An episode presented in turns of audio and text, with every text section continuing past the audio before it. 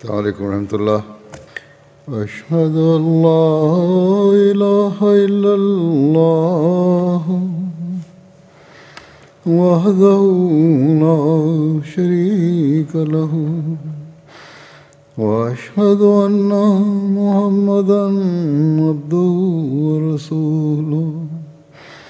أما بعد فأعوذ بالله من الشيطان الرجيم. بسم الله الرحمن الرحيم. الحمد لله رب العالمين. الرحمن الرحيم. مالك يوم الدين. إياك نعبد وإياك نستعين. اهدنا الصراط المستقيم. صراط الذين أنعمت عليهم. غير المغضوب عليهم. ولا يا أيها الذين آمنوا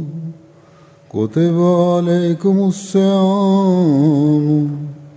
كما كتب على الذين من قبلكم وعلكم تتقون. أيام معدودات. فمن كان منكم مريضا ولا سفر فعدة فعدة من أيام أخر. وعلى الذين يطيقونه فدية طعام مسكين. ومن تطوع خيرا فهو خير الله. وأن تصوموا خير لكم. وأن تصوموا خير لكم. إن كنتم تعلمون. شهر رمضان الذي أنزل فيه القرآن. هدى للناس وبينات من الهدى والفرقان. فمن شهد منكم الشهر فليصم. ومن كان مريضا على سفر فعدة من أيام أخر. يريد الله بكم اليسر. ولا يريد بكم العسر ولتكملوا العدة ولتكبروا ولتكبروا الله على ما هداكم ولعلكم تشكرون. وإذا سألك عبادي أني فإني قريب أجيب دعوة الداع إذا دعاني أجيب دعوة الداع إذا دعاني فليستجيبوا لي وليؤمنوا بي لعلهم يرشدون 2021ခုနှစ်ဧပြီလ16ရက်နေ့မှာ حضرت امیر المومنین خلیفۃ المسیح الخامس اید اللہ تعالیٰ بن نصر عزیز۔ جسما خلیفہ دکھیں جی گا انگلا نائنگا اسلام آباد، ٹیلفوشی مبارک بلی بچاؤں با چما خطبہ مچا گے بارے۔ اری خطبہ ماں خلیفہ دکھیں جی گا، لامیہ رمضان سن بھی میں چاروں بارے۔ خطبہ ایسا ماں خلیفہ دکھیں جی گا چمیا قرآن، سورہ مسن نے آیت مسن تیا شسلیما 189ကိုရွတ်ဖတ်တယ်ဆက်ပြီးဘာသာပြန်ကိုတင်ပြပါတယ်။အဲ့ဒီအာယတ်မုခဘတ်တော်တွေရဲ့ဘာသာပြန်ကအိုးတပ်ဝင်ယုံကြည်သူအပေါင်းတို့အသင်တို့ထက်အလင်ကရှိခဲ့ကြသူတို့အားပြဋ္ဌာန်းတော်မူခဲ့တဲ့ကဲ့သို့ပင်အသင်တို့အားလည်းဆွေအောင်ဥပုပ်ဆောက်တည်ရန်ပြဋ္ဌာန်းတော်မူ၏တို့ဖြစ်အသင်တို့သည်တကွာဖြူစင်ဖြောင့်မတ်ခြင်းတရားကိုတိဆောက်နိုင်ကြရန်ဖြစ်၏ယင်းမှာရေတွက်ထားသောရန်နှဲငယ်မြသာဖြစ်၏ တို့ကြောင့်အသင်တို့နှင့်မိသူမဆိုးမကြမ်းမမာဖြစ်နေလျင်သို့မဟုတ်ခရီးထွက်လျက်ရှိနေလျင် သူသည်ထိုကာလ၏ဥပုပ်ကိုအခြားနေ့ရက်များတွင် ဖြည့်ဆွတ်စောက်တည်ရပေမည်ထိုပြင်ချင်းသူတို့သည်တတ်နိုင်လျင် သူတို့၏ဖစ်တရားအစားပေးချေမှုပြုရန်မှာသူစင်းရဲ့တဦးအားအစားစာကျွေးမွေးခြင်းဖြစ်၏သို့သောအချင်းမိသူမဆိုမိမိစိတ်စေတနာလျောက်ကောင်းမှုပြုကျင့်သော ဤသည်သူ့အတွက်လွန်စွာကောင်းမြတ်ပေသည်စင်စစ်အသင်တို့၏ဥပုသ်ဆောင်ခြင်းသည်အသင်တို့အတွက်ပုံမကောင်းမြတ်ကြောင်းကိုအကယ်၍အသင်တို့တည်နာလေကြလျင် ကောင်းလေစွာရမဇန်လသည်ကထိုလတွင်ကုရ်အာန်ကို လူသားတို့အတွက်ကြီးကျယ်သောလမ်းညွှန်မှုတစ်ရပ်ဖြင့်ပို့ချတော်မူခဲ့ပေသည်ထို့ပြင်အလွန်ပွင့်လင်းထင်ရှားသည့်တသက်တာရကများအဖြစ်ဖြင့်ယင်း၌လမ်းညွှန်မှု၏ရှင်းလင်းချက်နှင့်အမှန်နှင့်အမှားကိုခွဲခြားပြသည့် အကြောင်းရများပါရှိလေသည်တို့ဖြစ်ရာသင်တို့နှင့်မိသူမဆိုဤလနှင့်ဆုံတွေ့လျင်ယင်းလာ၏ဥပုံများကိုစောက်တည်ကြကုန်အချင်းသူသည်မချမ်းမမာဖြစ်နေလျင်သို့မဟုတ်ခရီး၌ရှိနေလျင် ပြက်ကွက်သောနေ့၏အရေးအတွက်ကို အခြားနေ့ရက်များတွင် ဖြည့်ရမည်အလားဒီအသင်တို့အတွက်လွယ်ကူမှုကိုလိုလားတော်မူ၏အသင်တို့အတွက်ခက်ခဲမှုကိုလိုလားတော်မမူပေ ထို့ပြင်အသင်တို့လွယ်ကူစွာဖြင့်အရေးအတွက်ကိုဖြည့်ဆည်းရန်လိုလားတော်မူပေသည်အရှင်မြတ်ကအသင်တို့အားပေးသနာတော်မူသည့်ထိုလမ်းညွန်မှုအပေါ်အခြေတည်၍အလာဤဂုံတော်ကြီးမြတ်တော်မူခြင်းကိုဖော်ကျူးကြရန်၎င်းတို့ဖြစ်အသင်တို့ကျေးဇူးတိတက်ကြရန်၎င်းဖြစ်၏ငါ၏အစီတော်များကအသင်ထံတွင်ငါရှင်မြတ်နှင့်ဆက်လင်း၍မေးမြန်းကြသောအခါစင်စစ်ငါသည်အနီး၌ပင်ရှိတော်မူ၏အချင်းအခါတဝါဆူတောင်းမှုပြုသူက ငါရှင်မြတ်အားတန်တဟစ်ခေါ်သောအခါငါရှင်မြတ်သည်သူ၏ဒဝါဆူတောင်းကိုအပြေပေးတော်မူ၏တို့ဖြစ်ရာသူတို့သည်လည်းငါရှင်မြတ်၏စကားကိုလက်ခံနာယူ၍ငါရှင်မြတ်အားတဝင်ယုံကြည်ကြရပေမည်တို့ဖြစ်သူတို့လမ်းညွန်မှုကိုရရှိကြစိမ့်သောငါဖြစ်၏ခလီဖာသခင်ကြီးမိန့်ကြားတော်မူတာကအလရှမိတ်ဖဇလ်ကျေးဇူးတော်ဖြစ်ဒီနှစ်မှာလဲကျွန်တော်တို့ဟာလာမည့်ရမ်ဇန်ကိုကြုံကြိုက်ဖြတ်တန်းခွင့်ရရှိခဲ့ပါပြီ ရမ်ဇန်လနဲ့ကြုံတွေ့ရယုံရမ်ဇန်လကိုဖြတ်တန်းခွင့်ရယုံမနက်မှာဆယ်ရီစားပြီးရိုဇာထားယုံညနေမှာအစ်ဖတာရီလုပ်ပြီးဝါဖြေယုံစတာတွေလုပ်ယုံနဲ့ရိုဇာဥပုပ်စောင့်ထိန်ခြင်းရဲ့ရည်ရွယ်ချက်ကိုဖြည့်ဆည်းနိုင်မှာမဟုတ်ဘူးဆိုတာကိုကျွန်တော်တို့အနေနဲ့အမြဲတမ်းမှတ်သားထားရပါမယ်တကယ်တော့အလရှမြတ်ကကျွန်တော်တို့ကိုရိုဇာထားခြင်းနဲ့အတူရိုဇာထားရတဲ့အတွက်ကြောင့်မိမိတို့အတွင်း၌ စင်ကြယ်တန်ရှင်းတဲ့တော်လန်ပြောင်းလဲမှုဖြစ်ပေါ်လာအောင်လုပ်ဖို့အမိန်ပေးလမ်းညွှန်ထားပါတယ်ရိုဇာဥပုံနဲ့ပတ်သက်ပြီးအလရှမြတ်ကကျွန်တော်တို့ကိုတချို့သောအမိန်တော်တွေကိုချမှတ်ထားပါတယ်ဒီအမိန်တော်တွေကိုလိုက်နာကျင့်ကြံမယ်ဆိုရင်အလရှမြတ်ကမိမိနဲ့နှီးစပ်မှုကိုချီးမြှင့်ပေးသနာတော်မူမှာဖြစ်ကြောင်းစူတောင်းမှုတွေကိုလက်ခံတော်မူမှာဖြစ်ကြောင်းတရင်ကောင်းပေးထားပါတယ်အဲ့ဒီအကြောင်းနဲ့ပတ်သက်ပြီးအထက်မှာကျွန်တော်အာယတ်မုခဘတ်တော်တချို့ကိုရွတ်ဖတ်ပြခဲ့ပါတယ် အထက်မှာကျွန်တော်ဖတ်ရွတ်ခဲ့တဲ့အာယတ်မုခဘတ်တော်တွေမှာအလရှမြတ်ကရိုဇာဥမုတ်ဟာမပြုတ်မနေရတာဝန်တရက်ဖြစ်ပြီးအရေးကြီးလိုအပ်ကြောင်းကိုဖော်ပြထားပါတယ်တပြိုင်နက်တည်းမှာအလရှမြတ်ကအကယ်၍တဦးတယောက်ဟာနေမကောင်းဖြစ်နေမယ်ဒါမှမဟုတ်အခြားမလွဲမရှောင်သာအကြောင်းကိစ္စတစ်ခုခုပေါ်ပေါက်နေမယ်ဆိုရင်အဲ့ဒီရက်တွေမှာရိုဇာမထားခွင့်ရှိပြီးဒီလိုပြက်ကွက်သွားတဲ့ရိုဇာတွေကို နောက်ပိုင်းမှာပြန်လည်ဖြည့်ဆည်းဖို့လမ်းညွှန်မိန့်ကြားထားပါတယ် ဒါမှမဟုတ်ပြတ်သွားတဲ့ရိုဇာတွေကိုနာတာရှည်ယောဂါတစ်ခုခုခံစားနေရတာကြောင့်လုံးဝပြန်ဖြည့်ဖို့မတတ်တာဘူးဆိုရင်ဖီတယာပေးဆောင်ရမယ်ဆိုတဲ့အကြောင်းကိုလည်းအလရှမြတ်ကမိန့်ကြားထားပါတယ်ဒီနေရာမှာမသားထားရမှာကနောက်ပိုင်းမှာရိုဇာထားနိုင်တဲ့စွမ်းအားရရှိလာသည့်တိုင်ငွေကြေးတက်နိုင်တယ်ဆိုရင် ပြတ်သွားတဲ့ရိုဇာတွေအတွက်ဖီတယာပေးရင်ပိုပြီးကောင်းပါတယ်ပြီးနောက်ဒီမုခဘတ်တော်တွေထဲမှာကျမ်းမြတ်ကုရ်အန်သက်ဆင်းလာတဲ့လမ်းမြတ်နဲ့ ကုရ်အန်ရဲ့အရေးကြီးပုံအကြောင်းကိုဖော်ပြလျက်ကုရ်အန်ဖတ်ရခြင်းကုရ်အန်ရဲ့လမ်းညွှန်ချက်တွေအတိုင်းလက်တွေ့လိုက်နာကျင့်ကြံခြင်းကတရားလမ်းညွှန်မှုနဲ့အီမန်ယုံကြည်မှုတိုးတက်ခိုင်မာဖို့အတွက်အလရှမြတ်နဲ့ဆက်သွယ်မှုတိဆောက်ဖို့နဲ့အရှင်မြတ်ပို့ချထားတဲ့တွင်တင်ချက်တွေကိုသိရှိနားလည်ဖို့အတွက်လည်းအကြောင်းကံဖြစ်ကြောင်းကိုမိန့်ကြားထားပါတယ်။အဲဒီနောက်မှာအလရှမြတ်ကအိုးနဗီတမန်တော်ငါရှင်မြတ်ရဲ့အစီတော်လူသားတွေကိုငါရှင်မြတ်ဟာသူတို့ရဲ့အနီးမှာသာရှိကြောင်း သူသူတို့ရဲ့ဆူတောင်းတွေကိုနားထောင်တော်မူပြီးလက်ခံတော်မူကြောင်းပြောလိုက်ပါဆိုပြီးတရင်ကောင်းပေးမိန့်ကြားထားပါတယ်။လာမည့်ရမ်ဇန်ကာလမှာဆိုရင် အလရှမြတ်ကကဘာမြေနဲ့အနီးဆုံးကောင်းကင်ယံသို့ရောက်ရှိလာတော်မူကြောင်းတမန်တော်မြတ်ဆလလောလ္လဟ်အလိုင်းရဲ့မိန့်ကြားချက်အားဖြင့်သိရှိရပါတယ်။ဆိုလိုတာက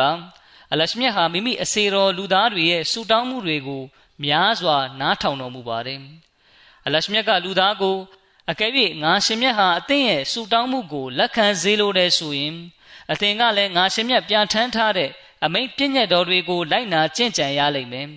ဒီလိုငါရှင်မြတ်ရဲ့အမိန့်တော်တွေကိုလိုက်နာကျင့်ကြံရမှာလဲလာမြတ်ရမ်ဇန်တလာထဲမှာသာမဟုတ်ပဲအဲ့ဒီကောင်းမှုတွေကိုဘဝရဲ့အစိတ်ပိုင်းတစ်ခုဖြစ်အောင်ပြုလုပ်ရမယ်မိမိတို့ရဲ့အီမန်ယုံကြည်မှုကိုလည်းခိုင်မာလာအောင်ကြိုးပမ်းအားထုတ်ရမယ်ဆိုပြီးမိန့်ကြားထားတော်မူပါတယ် ဒီတော့ပြောရရင်မိမိတောင်းခံတဲ့ဆူတောင်းတွေပြေးဝဖို့အတွက်လည်းကန့်သက်ချက်အချို့ရှိတာတွေ့ရပါတယ်။အကယ်၍ကျွန်တော်တို့ဟာအရှင်မြတ်သတ်မှတ်ထားတဲ့စီကံကန့်သက်ချက်တွေနဲ့အညီမိမိတို့ရဲ့ဆူတောင်းမှုတွေမှာကောင်းမြတ်လှပမှုတွေကိုပေါက်ဖွာလာအောင်ပြုလုပ်မယ်ဆိုရင်အလရှမြတ်ဟာလူသားရဲ့အနာမှာရှိတဲ့အရှင်ဖြစ်ကြောင်းဆူတောင်းမှုတွေကိုလက်ခံတော်မူတဲ့အရှင်ဖြစ်ကြောင်းသိရှိရပါလိမ့်မယ်။ယခုကျွန်တော်အနေနဲ့ ဆူတောင်းမှုနဲ့ဆက်နွယ်ပြီးမစီမောဒလိုင်စလန်တခင်ရဲ့ရေးသားချက်မိန့်ကြားချက်တချို့ကိုတင်ပြပါမယ်။ဒီလိုတင်ပြခြင်းအဖြစ်ဒဝါဆူတောင်းမှုရဲ့အရေးပါပုံပြီးတော့ကျွန်တော်တို့အနေနဲ့မိမိတို့ရဲ့ကျင့်သုံးတိဆောက်မှုအခြေအနေတွေကိုပြုပြင်တက်မှတ်ဖို့လိုအပ်ပုံဆူတောင်းပြေးဖို့အတွက်စီကံကန့်သက်ချက်တွေကဘာတွေလဲဆူတောင်းမှုရဲ့အနှစ်သာရနဲ့အတွေးမြင်သဒ္ဒနာသဘောတွေကဘယ်လိုရှိသလဲစတဲ့အကြောင်းအရာအစုံလင်ကိုသိရှိသွားပါလိမ့်မယ် ကျွန်တော်တို့တဲကများစွာတို့ဟာအပေါ်ယံသဘောယာယီသဘောလောက်ဒဝါဆူတောင်းပြီးအလရှမြတ်ကမိမိရဲ့ဆူတောင်းမှုတွေကိုလက်မခံဘူးဆိုပြီးပြောတတ်ကြပါတယ်။တနည်းဆိုရရင်ကျွန်တော်တို့ကအလရှမြတ်ထံမှာအလုပ်တစ်ခုလုပ်ပေးဖို့အလုပ်အပ်ပြီးအဲ့ဒီအလုပ်ကိုအရှင်မြတ်ကပြီးစီးအောင်ဆောင်ရွက်ပေးရမယ်။အရှင်မြတ်ကလူသားရဲ့အမိန့်တိုင်းလှုပ်ဆောင်ပေးရမယ်ဆိုတဲ့သဘောမျိုးဖြစ်နေပါတယ်။နောဇူဘီလာလူသားပြောသမျှလှုပ်စေခြင်းသမျှအလရှမြတ်ကလှုပ်ပေးရမယ် ဒီအတွက်လူသားရဲ့လုပ်ရက်တွေကဘယ်လိုပဲရှိနေပါစေဘယ်လိုမကောင်းမှုကိုပဲလုပ်နေပါစေအလရှမြတ်ကလူသားရဲ့တောင်းဆိုချက်အတိုင်းမဖြစ်မနေလှုပ်ဆောင်ပေးရမယ်ဆိုတဲ့သဘောမျိုးဖြစ်နေပါတယ်ဒီလိုကြောင့်အလရှမြတ်ကလူသားကိုဒါမျိုးတော့ဖြစ်လာမှာမဟုတ်ဘူးဥစွာအသင်တို့အနေနဲ့ငါရှင်မြတ်ရဲ့ကျမ်းမြတ်ကုရ်အာန်ပါအမိန့်ပြည့်ညတ်တွေနဲ့အညီလိုက်နာကျင့်ကြံရမယ်လို့မိန့်ကြားထားပါတယ်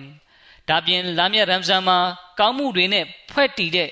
ပတ်ဝန်းကျင်တစ်ခုပေါက်ဖွာလာပြီးကုရ်အန်ဒရတ်သင်ခန်းစာပို့ချချက်အစီအစဉ်တွေကိုလည်းပြုလုပ်ကြပါတယ်ဒီခါလရှမြတ်ကကုရ်အန်ထဲမှာဘာတွေအမိန်ပေးထားသလဲဆိုတဲ့အကြောင်းတွေကိုသိရှိအောင်ပြုလုပ်ရပါမယ်အသေးချာစင်ကြင်စဉ်းစားရပါမယ်ဒီဇိုင်းမမတ်နားထောင်ရပါမယ်ပြီးနောက်အဲ့ဒီအမိန်ပြည့်ညတ်တော်တွေနဲ့အညီကျင့်သုံးတိဆောက်ရပါမယ်ပြီးတော့မိမိတို့ရဲ့အီမန်ယုံကြည်မှုအခြေအနေကဘယ်လောက်ခိုင်မာမှုရှိသလဲဆိုတာကိုဝေဖန်ဆန်းစစ်ရပါမယ် ဒုက္ခရောက်တဲ့အခါစမ်းသက်စစ်ဆေးမှုတစ်ခုခုနဲ့ကြုံတွေ့ရတဲ့အခါမိမိတို့ရဲ့အီမန်ယုံကြည်မှုကတဆင်းရှော့ကျသွားသလားဆိုတာကိုသိရှိရအောင်မိမိတို့ရဲ့အီမန်ယုံကြည်မှုအခြေအနေကိုစမ်းစစ်ရပါမယ်မိတို့ဆိုစဉ်အခုတင်ပြနေတဲ့အကြောင်းအရာပု္ပ္ပာက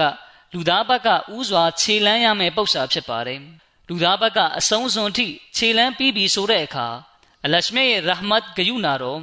ရှဖ်ကတ်ချစ်ချင်းနဲ့ဖဇလ်ဂျေဇူတော်က အင်းနဲ့အားနဲ့လှုပ်ရှားလာပါတော့တယ်။ဒါကြောင့်ဒီပု္ပ္ပာကိုအသေးချာနားလဲသိရှိဖို့ကျွန်တော်တို့အတွက်မဖြစ်မနေလိုအပ်ပါတယ်။အခွင့်အခါတစ်ခုမှာမစီမောဒလိုင်စလန်တခင်ကမိန့်ကြားပါတယ်။ဒဝါဆူတောင်းမှုသည်အစ္စလာမီထူးခြားသောဂုဏ်ယူစရာကိစ္စတစ်ခုဖြစ်သည်။မွတ်စလင်တို့သည်ဒဝါဆူတောင်းမှုပေါ်တွင်လွန်စွာဂုဏ်ယူမဆုံးဖြစ်ကြသည်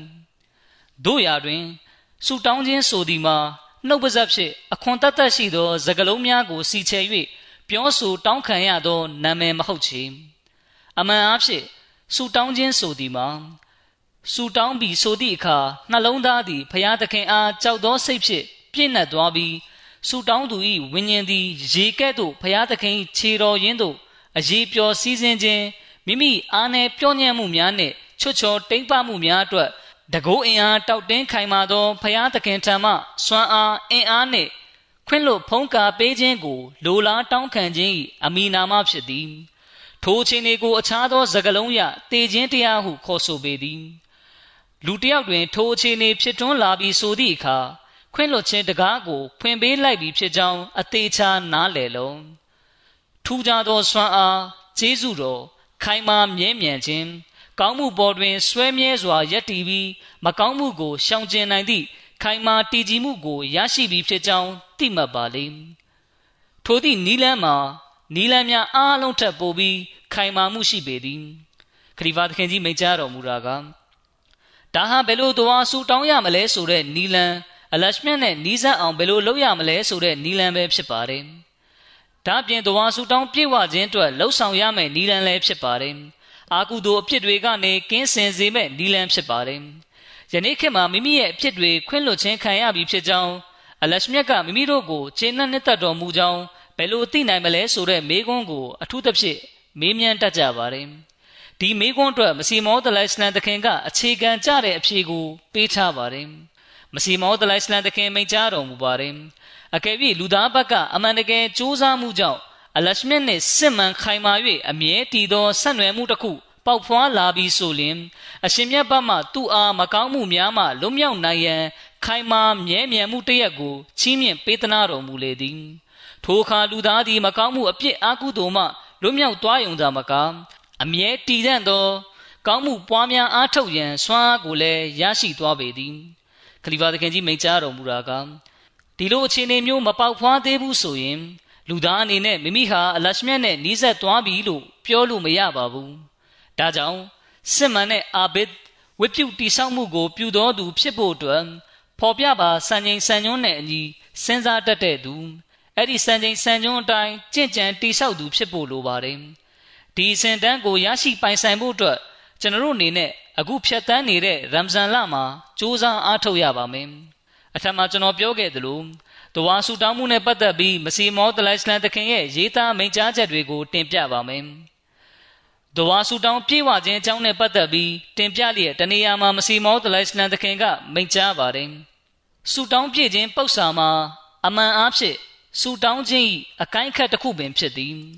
အချင်းသူသည်အရင်မြစ်ပင်စီကိုသိရှိနားလည်မှုမရှိလျင်ထိုသူသည်အကိုင်းခတ်ကိုနားလည်သိရှိရာတွင် အထင်မှားနိုင်ပေသည်ဆိုရာမှာအခြေခံကြသောကိစ္စဖြစ်သည်ဆူတောင်းခြင်း၏သဘောမှာ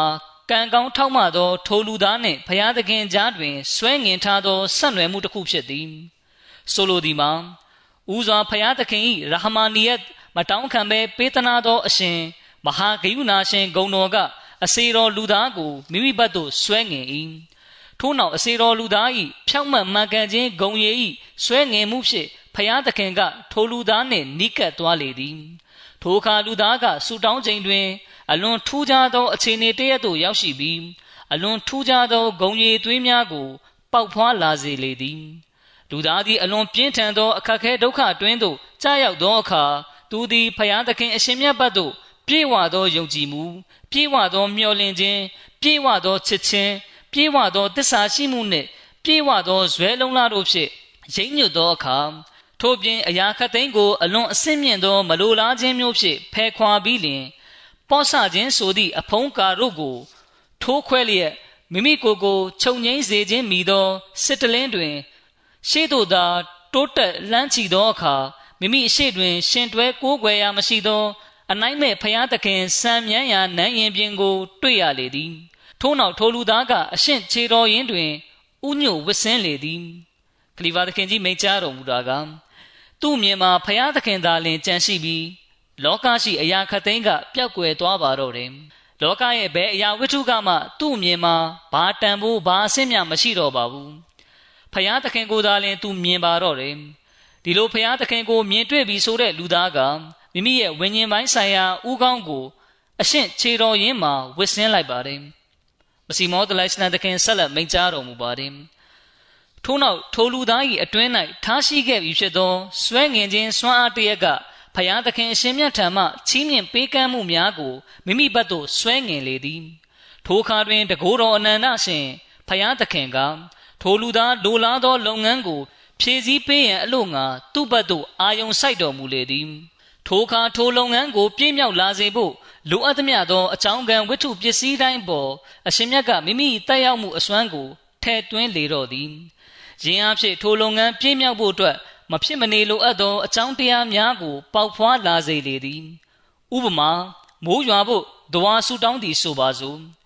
မိမိတောင်းခံသောဆူတောင်းကို အလရှမြတ်ကလက်ခံတော်မူပြီးလင်ပြီးခြင်းမိုးရွာရန်လိုအပ်သောတဘာဝဆိုင်ရာအကြောင်းခံများသည် ထိုဆူတောင်း၏တက်ရောက်မှုကြောင့်ပေါက်ဖွာလာတော်သည်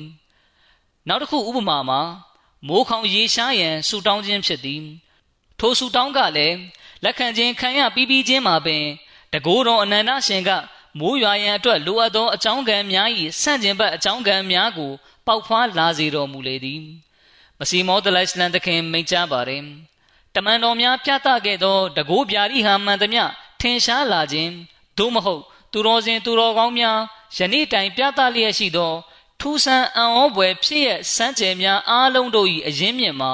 ဆူတောင်းမှုပင်ဖြစ်သည် ထိုသည့်ဒဝါဆူတောင်းမှုကြောင့်တကိုးတော်အနန္တရှင်၏များစွာသောတကိုးတော်ကွန်မြူလှုပ်ရှားမှုများကိုထင်ရှားပြသလျက်ရှိခြင်းဖြစ်သည်ခရီးဝါသခင်ကြီးမိန့်ကြားတော်မူပါတယ်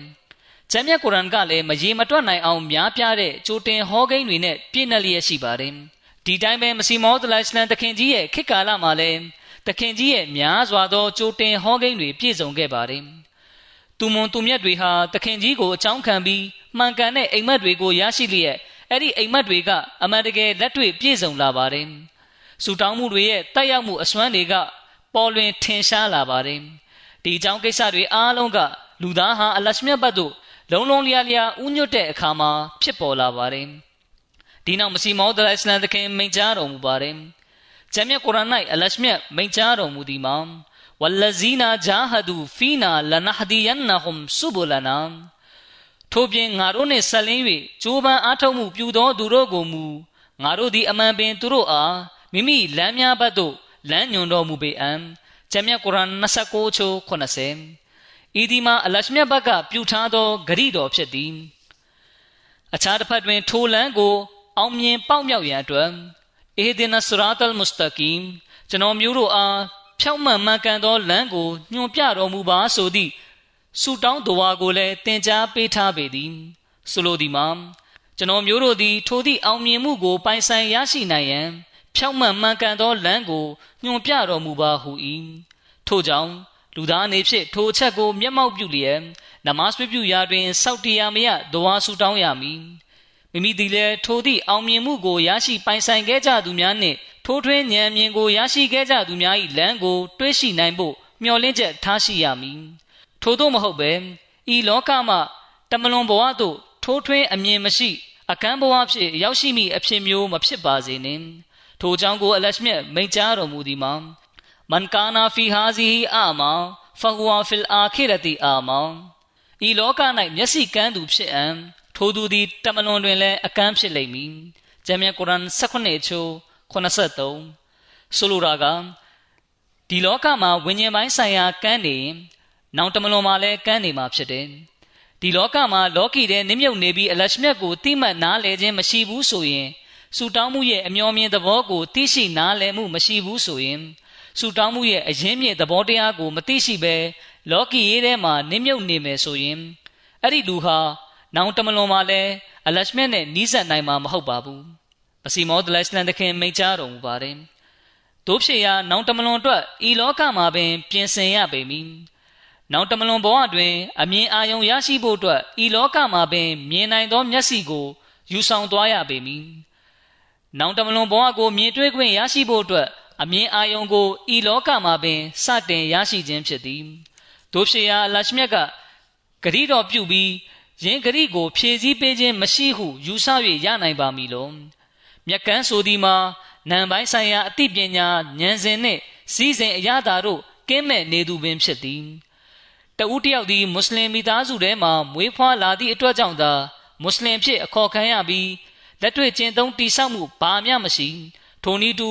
တဦးတယောက်သည်ခရိယန်မိသားစုအတွင်း၌မွေးဖွားလာသည့်အတွက်ခရိယန်ဖြစ်အခေါ်ခံရ၏ထို့ကြောင့်ထိုသူသည်ဖျားသခင်အရှင်တမန်တော်မြတ်ဆလလောလဟ်အလိုင်းနှင့်ကျမ်းမြတ်ကုရ်အာန်အစရှိသည်တို့ကိုဂုံပေးလေးစားမှုမရှိရခြင်းဖြစ်သည်ထို့သောလူမျိုးက သာသနာကိုချစ်ပါသည်ဟုသော ပြောဆိုကြွေးကြော်ချက်မှလည်းတန်တရားဝင်စရာရှိပါသည်အလရှမြတ်နှင့်အရှင်တမန်တော်အားစော်ကားပုတ်ခတ်နေသည့်အဝန်းဝိုင်းတွင်၌နေထိုင်ဖြတ်တန်းကာရင်းကသူ့အတွက်မိတို့မြမခံစားရကြထို့သောဖြစ်ရခြင်းမှာသူ့တွင်နာပိုင်းဆိုင်ရာမျက်စိမရှိသောကြောင့်ဖြစ်သည်သူထံတွင် သာသနာကိုချစ်သောစိတ်မရှိသောကြောင့်ဖြစ်၏အမှန်တကယ်ချစ်စိတ်ရှိသူဆိုလျှင်မိမိချစ်သူနှင့်ဆန့်ကျင်သောစကားလုံးများကိုနှစ်သက်နိုင်ပါမည်လော အချုပ်ဆိုရသောအလရှမြတ်ကအကယ်၍အသင်တို့သည်ယူရန်အသင့်ရှိလျင်ငါရှင်မြတ်ကလည်းပေးသနာရန်အသင့်ရှိတော်မူသည်ဟုမိန့်ကြားလျက်ရှိပေသည်ထို့ကြောင့်ဖော်ပြပါအဟဒီနစရာတလ်မုစတကင်ကျွန်တော်မျိုးတို့အားဖြောက်မှန်မှန်ကန်သောလမ်းကိုညွှန်ပြတော်မူပါဆိုသည့်တဝါဆူတောင်းကိုဆူတောင်းလျက်ရှိခြင်းကပင်တရားလမ်းညွှန်မှုကိုရယူရန်အသင့်ပြင်ဆင်ခြင်းမိ၏ခလီဖာသခင်ကြီးမိန့်ကြားတော်မူတာကဒီတော့လာမြတ်ရမ်ဇန်တွေမှာ အဟဒီနစရာတလ်မုစတကင်အလရှမြတ်ကျွန်တော်မျိုးတို့ကို ဖြောက်မှန်မှန်ကန်သောလမ်းမှာရှောက်လန်းစေတော်မူပါဆိုတဲ့ဒွါကိုများစွာဖတ်ရဆူတောင်းရပါမယ်။ဒါပြင်နှလုံးသားကိုလည်းတန်ရှင်းစေလျက်စစ်မှန်တဲ့အာဘစ်ဝိပုတိဆောက်သူဖြစ်အောင် အရှင်မြတ်ပြုလုပ်ပေးတော်မူပါဆိုပြီးဒွါဆူတောင်းရပါမယ်။နောက်ပြီးအလရှမြတ်ရဲ့ဖန်ဆင်းကံလူသားတွေပေါ်ဖြည့်စည်းရတဲ့တာဝန်တွေကိုလည်းခြေပွန်သူတွေဖြစ်အောင် အရှင်မြတ်ပြုလုပ်ပေးတော်မူပါစေဆိုပြီးဒွါဆူတောင်းရပါမယ်။ဒီလိုမဟုတ်ပဲယနေ့ခေတ်အစွန်းရောက်အချမ်းဖတ်သမားတွေပြုလုပ်နေသလိုဖြစ်သွားတာမျိုးမဖြစ်စေရပါဘူးအဲ့ဒီအစွန်းရောက်သမားတွေဟာအလရှမြတ်နဲ့အရှင်တမန်တော်မြတ်ရဲ့နာမည်ကိုခူတုံးလုပ်ပြီးအရှင်ဖန်ဆင်းကံလူသားတွေကိုမတရားလုပ်နေကြပါတယ်အလရှမြတ်အဲ့ဒီမတရားလုပ်နေတဲ့အစွန်းရောက်သမားတွေရဲ့နှောက်ယှက်တိုက်ခိုက်မှုကနေလူသားအားလုံးကိုကဲတင်တော်မူပါစေ တချို့ကမိမိတို့ဟာအလွန်ကျူးအပြစ်တွေကိုကျူးလွန်ထားကြတာကြောင့်အလရှမြတ်ကမိမိတို့ရဲ့အဖြစ်တွေကိုခွင့်လွှတ်မှာမဟုတ်ဘူးလို့ထင်မြင်ယူဆလျက်ညီးတွားပြောဆိုနေကြပါတယ်ဒီလိုအလရှမြတ်ကမိမိတို့ရဲ့အဖြစ်တွေကိုခွင့်လွှတ်မှာမဟုတ်တဲ့အတွက်ထပ်တိုးပြီးအဖြစ်ကျူးလွန်မှုတွေထဲမှာကြာရောက်သွားကြပါတော့တယ်အမှန်ကအဲ့လိုလူတွေရဲ့စိတ်ထဲမှာရှိုက်တန်မိစ္ဆာကတန်တရားတွေတွတ်သွင်းနေခြင်းဖြစ်ပါတယ်လူသားကိုလရှမြတ်နဲ့ဝေးကွာအောင်လုပ်ဖို့အတွက်ရှိုက်တန်ကတန်တရားတွတ်သွင်းခြင်းဆိုတဲ့မိမိရဲ့လက်နက်ကို အသုံးချနေခြင်းဖြစ်ပါတယ်နောက်ဆုံးမှာအဲ့ဒီလိုလူတွေဟာရှိုက်တန်ရဲ့လက်ထဲမှာလှည့်ပြားခြင်းကိုခံရပါတော့တယ်။မစီမောဒလိုင်စလန်တခင်ကကျွန်တော်တို့ကိုရှိုက်တန်ရဲ့တိုက်ခိုက်မှုနဲ့လှဲ့ကွက်ထောင်ချောက်ကနေလွတ်မြောက်မဲ့နီးလန်းကိုဖော်ပြလျက်အခုလိုမိန့်ကြားပါတယ်။အပြစ်လုပ်သူအနေဖြင့်မိမိသည်မြောင်များစွာအပြစ်လုပ်ပြီးဖြစ်သည်ဟုစိတ်သက်ကြက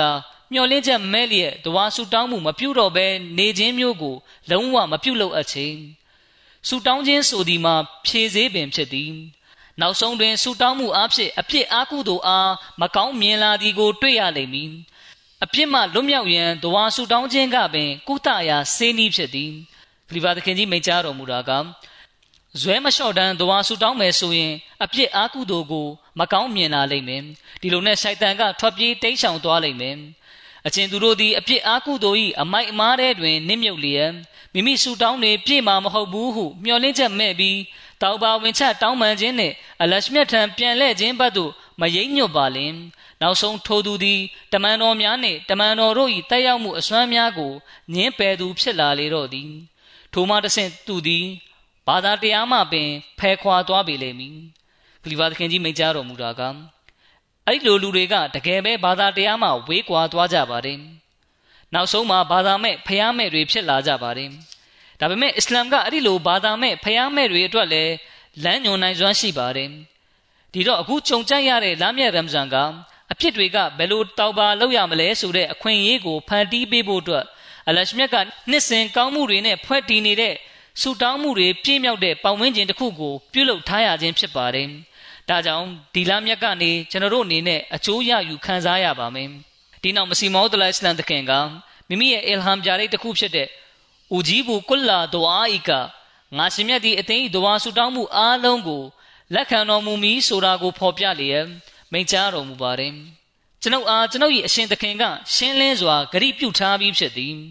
ထိုဂရိမှာဦးဂျီဘူကုလာဒွအာအီကငါရှင်သည်အသိဒွါဆူတောင်းမှုအားလုံးကိုလက်ခံတော်မူမည်ဖြစ်သည်သို့သောဤနေရာ၌ကုလ အားလုံးဆိုသည်မှာကျွန်ုပ်တောင်းသောဆူတောင်းများအနက်အန်ဒီရဲ့တစုံတရာဖြစ်စေနိုင်သောဆူတောင်းများကိုပယ်ဖြတ်သောနီးဖြင့်လက်ခံတော်မူမှာဖြစ်ကြောင်းကျွန်ုပ်ကောင်းစွာသိရှိနားလည်ပါသည်အကယ်၍အလရှမြတ်ကပဲ့ပြင်တဲမှတ်မှုနှင့်ငြိမ်းအေးမှုကိုလိုလားလျင်ဆူတောင်းသောအရာကိုပယ်ဖြတ်လျက်တနည်းအားဖြင့်ဆူတောင်းမှုကိုလက်ခံလိုက်ခြင်းဖြစ်သည်အချို့အခါများ၌လူသားကဆူတောင်းမှုတစ်ခုခုပြုရာတွင် ပြည့်မြောက်ခြင်းမရှိဘဲဖြစ်တတ်သည် ထိုထိုအခါတွင်ဖျားသခင်အရှင်မြတ်ကမိမိတောင်းသောဆုတောင်းကိုပယ်ဖြတ်လိုက်ပြီးဟုထင်မှတ်တတ်ကြသည်အမှန်အဖြစ်ဖျားသခင်ကသူ၏ဆုတောင်းမှုကိုပယ်သောနည်းဖြင့်လက်ခံတော်မူလိုက်ခြင်းဖြစ်သည်အကြောင်းမူထိုဆုတောင်းကိုညင်ပယ်ခြင်း၌သာလျှင်သူ့အတွက်ကောင်းကျိုးရှိသောကြောင့်သည်လူသားသည်ပြင်းဤပောဆသူနှင့်အရှိကိုမျောတွေးနိုင်သူမဟုတ်ဘဲအပြင်ပန်းအပေါ်ယံလောက်ကိုသာရှုမြင်တတ်သူဖြစ်သောကြောင့်သူတောင်းသောဆုတောင်းမှာအပေါ်ယံကြည့်လျင်သူလိုလားသောရလဒ်ကို မရရှိဟုထင်ရ၏ထိုအခါတွင်ဖျားသခင်ကမိမိဆုတောင်းမှုကိုလက်မခံပါလားဟုဖျားသခင်ပေါ်အထင်မလွဲတင်ခြင်း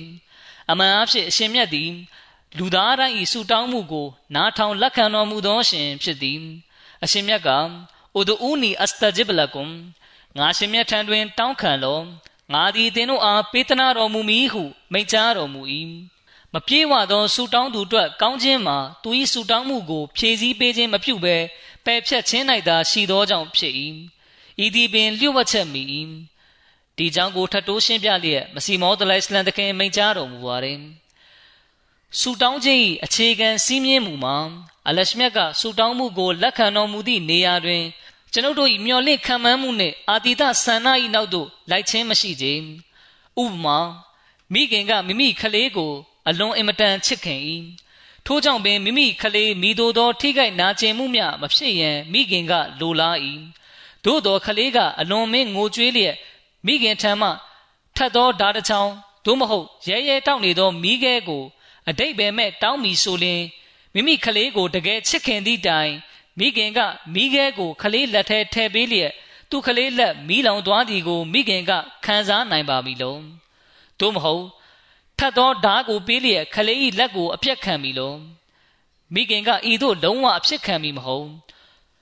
ထိုသဘောတရားကိုအခြေခံလျက်ဆူတောင်းပြည့်ခြင်းသဘောကိုသိရှိနားလည်နိုင်ပေသည်ဆူတောင်းရာတွင်မိမိဆူတောင်းမှုအစိတ်ပိုင်းတစ်ခု၌မိမိတို့အန္တရာယ်ဖြစ်စေနိုင်သည့်အကြောင်းကိစ္စပါဝင်လျင်ထိုဆူတောင်းမှာလက်ခံခြင်းမခံရကြ။ယင်း၌ကျွန်ုပ်တို့ကိုယ်တိုင်အတွေ့အကြုံရှိပေသည်။ကျွန်ုပ်တို့၏အသိပညာမှာခိုင်မာ၍ယုံကြည်စိတ်ချရသော မှန်ကန်သည့်အသိပညာမျိုးမဟုတ်ချေ။လုပ်ငန်းကိစ္စများစွာတို့ကိုကျွန်ုပ်တို့ကအလွန်မင်္ဂလာရှိသည်ဟုထင်လျက်လှုပ်ဆောင်တတ်ကြပေသည်။ယင်းကိစ္စ၏ရလဒ်ကိုလည်းအလွန်မင်္ဂလာရှိသောရလဒ်ဖြင့်ထင်မှတ်တတ်ကြသည်။သို့သောအဆုံးဏီကုန်းတွင် ထိုကိစ္စမှာအခက်ခဲဒုက္ခကို ဖြစ်စေသောအရာဖြစ်ကြောင်းသိရှိသွားရပေသည်ခလီဖာသခင်ကြီးမိန့်ကြားတော်မူတာကဒါရဲ့များစွာသောဥပမာတွေကိုယနေ့တိုင်ကျွန်တော်တို့မြင်တွေ့နိုင်ပါတယ် ကျွန်တော်ထံလာရောက်တဲ့များစွာသောစာတွေအားဖြင့်လည်းသိရှိရပါတယ်အချို့ကလုပ်ငန်းကိစ္စတစ်ခုကိုအောင်မြင်ဖို့အတွက်များစွာသဝါဆူတောင်းကြတဲ့အပြင်အတင်းမရရလှုပ်ဆောင်ဖို့လည်းစူးစမ်းတတ်ကြတာကိုတွေ့ရပါတယ်ဒါပေမဲ့အဲ့ဒီလုပ်ငန်းကိစ္စကနေထွက်လာတဲ့ရလဒ်ကမကောင်းမွန်ပါဘူးဒီခါလာရှမြတ်ကိုဖြစ်တင်စောရကပြုကြပါတယ်သူတို့ကကျွန်တော်ကျမတို့ဟာဒီလုပ်ငန်းကိုများစွာသဝါဆူတောင်းပြီးမှစတင်လှုပ်ဆောင်ခဲ့ကြခြင်းဖြစ်ကြောင်း စသကားလည်းများစွာပေးခဲ့ကြကြောင်းဒါပေမဲ့ရလက်ကမကောင်းခဲ့ကြောင်းစသဖြင့်ကျွန်တော်ထံစာရေးပြောပြကြပါတယ်ဒီလိုဖြစ်ရခြင်းကသူတို့ရဲ့ဆူတောင်းတွေလက်ခံခြင်းမခံရတာကြောင့်ဖြစ်တယ်လို့လည်းပြောကြပါတယ်တကယ်ကမိမိတို့ဟာသဝါဆူတောင်းတဲ့နေရာမှာအဆုံးစွန်ထိရောတောင်းခံခဲ့ကြသလားအလရှမြတ်နဲ့ဆက်သွယ်မှုတိဆောက်ရမှာနဲ့အညီတိဆောက်ရဲ့လားဆိုတာကိုကြည့်ရပါမယ် ဒီလိုမှမဟုတ်ရင်တော့မစီမောသလိုင်စလန်တခင်မိန့်ကြားတော်မူသလိုအပေါ်ယံလောက်နှုတ်ပါဆက်နဲ့စကလုံးတွေအသုံးပြုပြီးတောင်းခံတာမျိုးလောက်ပဲဖြစ်ပါလိမ့်မယ်အကယ်၍မိမိကတဝါဆူတောင်းမှုကိုအဆုံးစွန်ထိပြုလုပ်ခဲ့ပေမယ့်အလရှမြတ်ကမိမိရဲ့ဆူတောင်းမှုကိုပယ်ဖျက်လိုက်တယ်ဒါမှမဟုတ်ကောင်းမွန်တဲ့ရလဒ်ထွက်မလာဘူးဆိုရင်ဒါဟာအလရှမြတ်ရဲ့အမျော်မြင်ပါတဲ့လှုပ်ဆောင်ချက်လို့ဆိုရပါမယ်ဒီလိုဖြစ်လာခြင်းမှာပဲသူ့အတွက်အကျိုးကျေးဇူးရှိနေလို့ဖြစ်ပါတယ်အကယ်၍မိမိက မိမိဖြစ်စေခြင်းတဲ့ကိစ္စအတွက်မှားယွင်းစွာနဲ့ဖိအားပေးဆူတောင်းမယ်ပြီးတော့ဆူတောင်းမပြည့်တဲ့အခါအလရှမြတ်ကိုအဖြစ်ပုံချမယ်စတာတွေလုပ်မယ်အစားသူ့အနေနဲ့မိမိသားလင်မှားယွင်းသွားကြောင်းဝန်ခံလျက် istighfar ပြုသင့်ပါတယ်တချို့ဆိုရင်မိမိဆူတောင်းတဲ့အရာကမိမိတို့ကောင်းမွန်မှုမရှိဘူးဆိုရင်လည်းအလရှမြတ်ကမိမိရဲ့ဆူတောင်းကိုမဖြစ်မနေဖြည့်ဆည်းပေးပါဆိုပြီးဆူတောင်းတာမျိုးလည်းရှိပါတယ်အိမ်အောင်ဘက်ရွေးချယ်ခြင်းနဲ့လက်ထက်ထိမ်းများခြင်းကိစ္စတွေမှာလည်း ဒီအတိုင်းဖြစ်တာကို တွေ့ရပါတယ်မိမိနှစ်သက်တဲ့သူကို အလရှမြတ်ထံမှာတောင်းခံတဲ့အခါအရှင်မြတ်ကသူ့ဆန္ဒကိုလိုက်လျောဖြည့်ဆည်းပေးလိုက်ပြီးသူနှစ်သက်သဘောကျသူနဲ့လက်ထက်ခွင့်ရသွားပါတယ်ဒါပေမဲ့နေ့နဲ့ငယ်ကြတဲ့အခါအိမ်အောင်ကွဲသွားကြပါတယ်ဒီတော့အဲ့လိုမိမိရဲ့စိတ်ဆန္ဒကိုအခြေခံတဲ့ဆူတောင်းမှုမျိုးတွေကိုမတောင်းခံတာပိုကောင်းပါတယ်တချို့ခါတွေမှာလရှမြတ်ကလူသားကိုသင်ခန်းစာပေးလိုတဲ့သဘောနဲ့သူတောင်းခံတဲ့ဆူတောင်းတွေကို လက်ခံဖြည့်ဆည်းပေးတော်မူပါတယ်တကယ်တမ်းသူ့ရဲ့ဆူတောင်းတွေကသူ့အတွက်ဆိုးကျိုးကိုဖြစ်စေပါတယ်နောက်ဆုံးသူတောင်းခံတဲ့ဆူတောင်းရဲ့ရလက်ကမကောင်းတာကိုတွေ့ရတဲ့အခါမှာတောဘာအစ္စတစ်ဖာတွေဖတ်ပါတယ်မစီမောဒလိုင်စလန်တခင်မိန့်ကြားတော်မူပါတယ်အချုပ်ဆိုသောလူသား၏အာတိတဆန္ဒအလုံးစုံမှာကောင်းမွန်မှန်ကန်မှုမရှိသည်ကိုတွေ့ရသည်အကြောင်းဆိုသောလူသားသည်မေခြင်းမာခြင်းထဲမှာရှိသောကြောင့်ဖြစ်သည်ထို့ကြောင့် အချို့ဆန္ဒများမှာလူသားအတွက်အစိတ်တောက်ဖြစ်စေသည်မှာထင်ရှား၏ထိုဆန္ဒများအတိုင်းလူသားကဆူတောင်းပြီးထိုဆူတောင်းကိုအလရှမြတ်ကလက်ခံဖြည့်ဆည်းပေးလိုက်မည်ဆိုလျှင်အရှင်မြတ်၏ရာဟမတ်ဂယုနာဂုံတော်နှင့်လုံးလုံးလျားလျားဆန့်ကျင်ဘက်ဖြစ်ပေသည်အလရှမြတ်ကမိမိဖန်ဆင်းကံလူသားများတောင်းသောဆူတောင်းများကိုလက်ခံဖြည့်ဆည်းပေးသည်ဆိုရမှာလုံးဝမှန်သောကိစ္စဖြစ်သည်သို့သောယင်းတို့လက်ခံဖြည့်ဆည်းပေးခြင်းမှာ လူတိုင်းဤဆူတောင်းကိုမဟုတ်ချေအကြောင်းမူလူသားကစိတ်သက်တက်ကြွခြင်းတောင်းခံခြင်းဖြစ်ပြီးယင်းမှထွက်ပေါ်လာမိရလက်ကိုမမြင်နိုင်သောကြောင့်ဖြစ်သည်သို့သောအလရှမြတ်ကရလက်ကိုမြင်နိုင်တော်မူသောအရှင်ဖြစ်တော်မူပေရာဆူတောင်းမှုကိုလက်ခံလိုက်ရင်ဆူတောင်းသောလူသားသာလျှင်မကောင်းသောရလက်နှင့်ရင်ဆိုင်ရနိုင်သောကြောင့်ယင်းဆူတောင်းကို အရှင်မြတ်ကပယ်ဖြတ်လိုက်ပေသည် ထို့သောသောသူ၏ဆူတောင်းကို ပယ်ဖြတ်လိုက်ခြင်းကပင် သူ၏ဆူတောင်းကိုလက်ခံခြင်းမိ၏တို့ဖြစ်ရာအစိတ်တောက်နှင့်အန်တရာရလက်များမှလုံခြုံမှုရှိသောဆူတောင်းများကို အလရှမြတ်ကလက်ခံတော်မူလေသည်သို့သောရလက်မှာစိုးကြိုးကို ဖြစ်စေသောဆူတောင်းမှုများကိုမူအရှင်မြတ်ကထိုဆူတောင်းများအားပယ်ဖြတ်သောနည်းဖြင့်လက်ခံတော်မူလေသည်ကျွန်ုပ်ထံအီလဟံပြားလေးတစ်ခုအချိန်ချင်းကြရောက်၏ယင်းမှာဦးကြီးဘူကုလာဒိုအာအီကာဟူ၍ဖြစ်သည် အခြားသောစကလုံးရယင်း၏အတိတ်ဘယ်မှာရလက်အားဖြင့်အကျိုးဖြစ်ထွန်းစေသောဆူတောင်းမှုမှန်သမျှလက်ခံတော်မူမည်ဟု၏ထိုအတွေးမြင်ကိုကျွန်ုပ်၏နှလုံးသားကခံစားရသည့်အခါစီးစဉ်အရသာနှင့်ပြည့်နှက်သွားပေသည်လွန်ခဲ့သော25နှစ်သို့မဟုတ်နှစ်30အလင်ကထိုအီလဟမ်ကိုပထမဆုံးလက်ခံရရှိသောအခါအလရှမြတ်သည်ကျွန်ုပ်၏ဆူတောင်းမှုများနှင့်ကျွန်ုပ်အဖွဲ့ဝင်များ၏ဆူတောင်းများကိုမလွဲမသွေလက်ခံတော်မူလိမ့်မည်ဟု၍တွေးမိသဖြင့်ကျွန်ုပ်မှာအလွန်ပျော်ရွှင်ခဲ့ရပါသည် ထို့နောက်တွင်ကျွန်ုပ်သည်ယင်းမှာအလရှမြတ်ထံမှဆုလက်ဖြစ်ပေရာဤကိစ္စတွင်ဆေးနှင့်တွန့်တုံမှုကိုမပြုအပ်အလရှမြတ်ကမုတကီတို့ဂုံရည်ခြင်းဖြင့်ဝမင်မာရဇကနာဟွမ်ယွန်ဖီကုမ်အရှင်မြတ်ပေးသနာထားသောအရာများမှသူတို့သုံးဆွဲကြကုန်၏ဟုမိန်တော်မူထား၏ဆိုသည်ကိုတွေးမိသည်ဖြစ်သောကြောင့်ကျွန်ုပ်ကမိမိမိတ်ဆွေများနှင့်နောက်လိုက်အဖွဲ့ဝင်များအတွက်သူတို့ကကျွန်ုပ်ကိုသတိပေးသည်ဖြစ်စေသတိမပေးသည်ဖြစ်စေသူတို့ကဘယ်လိုအခက်ခဲနဲ့ ရင်ဆိုင်ရပါသည်ဟုကျွန်ုပ်အားပြောပြသည်ဖြစ်စေမပြောပြသည်ဖြစ်စေ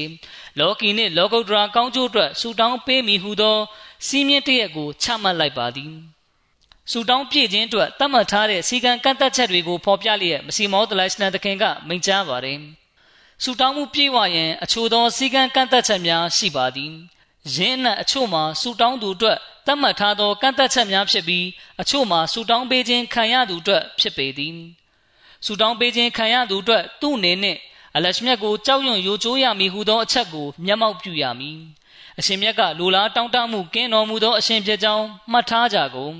တင့်တင့်ပြင်းငိမ့်မှုကိုဖော်ဆောင်ခြင်းနှင့်အလရှမြတ်ကိုကိုးကွယ်စိတ်ကပ်ခြင်းကသူ၏နေ့စဉ်လုပ်ငန်းဖြစ်ရမည်တကွာပြစ်ဆောင်ခြင်းတိဆောက်ခြင်းနှင့်ဖြူစင်ဖြောက်မတ်စွာနေထိုင်ခြင်းတို့ဖြင့်အလရှမြတ်ကျင့်တဲ့သက်အောင်ပြုလုပ်ရမည် ထို့သောသောအချိန်တွင်ဆူတောင်းပြည့်ခြင်းတကားကိုဖွင့်ပေးခြင်းခံရပေမည်ထို့သောမဟုတ်ဘဲအကယ်၍အလရှမြတ်ကိုစိတ်ဆိုးအောင်လုပ်မိအရှင်မြတ်နှင့်စစ်ခင်းမိဆိုလျင်ဆိုလိုတာကအလရှမြတ်ရဲ့အမိန့်ကိုမနာခံဘူးဟကုကုလာနဲ့ဟကုကုလ်အဘာတောင်ဝင်ကိုမချေပွန်ဘူးဆိုရင်ဆူတောင်းပြည့်ခြင်းလမ်းမှာအဟံတားဖြစ်လာပြီးသူ့အတွက်ဆူတောင်းပြည့်ခြင်းတကားမှာပိတ်သွားပေတော်သည် ထို့ကြောင့်ကျွန်ုပ်၏မိတ်ဆွေများနောက်လိုက်အဖွဲ့ဝင်များနေဖြင့်ကျွန်ုပ်၏ဆူတောင်းများအချီးနှီးမဖြစ်သွားစေရန်ဆောင်ရွက်ရမည်သူတို့အတွက်ကျွန်ုပ်၏ဆူတောင်းများပြည့်စုံမိလမ်း၌သူတို့၏မမှန်ကန်သောလုပ်ရများကြောင့်အဟံတားမဖြစ်ပါစေနှင့်ခလီဖာသခင်ကြီးမိန့်ကြားတော်မူတာကဒီနောက်ဆူတောင်းပြေးဖို့အတွက်လူသားအနေနဲ့ယုံကြည်မှုမှာလည်းပြေးဝမှုရှိဖို့လိုအပ်ပါတယ်ဒါကအလွန်အခြေခံကြတဲ့အကြောင်းအရာဖြစ်ပါတယ်ပြီးတော့သူ့အနေနဲ့အာမလေးစွာလေး တင့်တော်ကောင်းမြတ်သောကြင်ကြံမှုကိုကျင့်ဆောင်ရပါမယ်ဒီအကြောင်းအရာကိုရှင်းပြလျက်မစီမောဒလိုင်စလန်သခင်မိန့်ကြားပါတယ်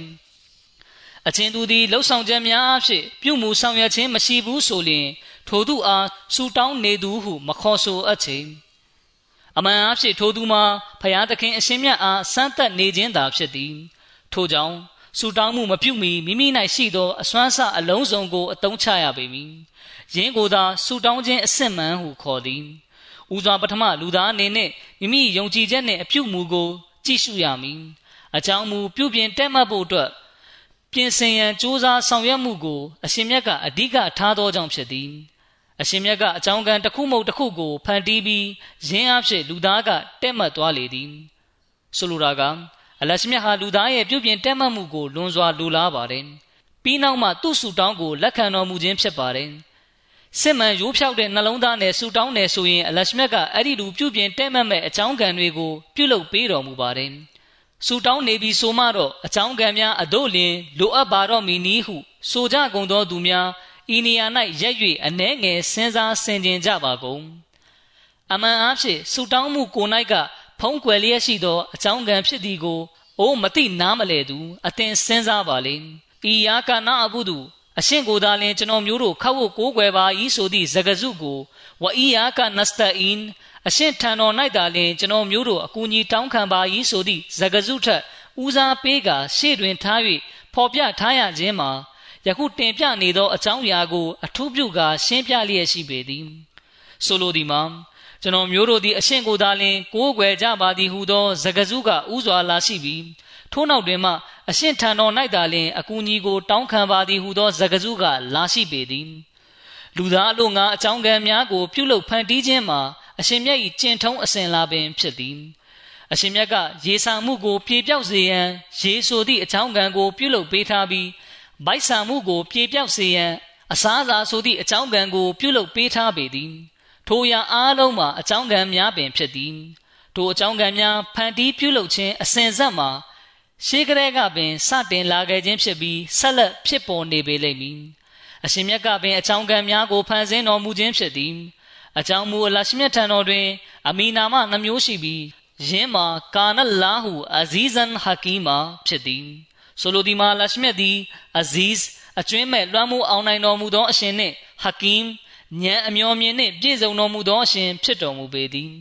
လုပ်ငန်းကိစ္စတိုင်းကိုနိုင်နှင်းစွာလှုပ်ဆောင်တော်မူခြင်းကို အဇီးဆိုသည့်အမီနာမက ထောက်ပြလျက်ရှိပြီး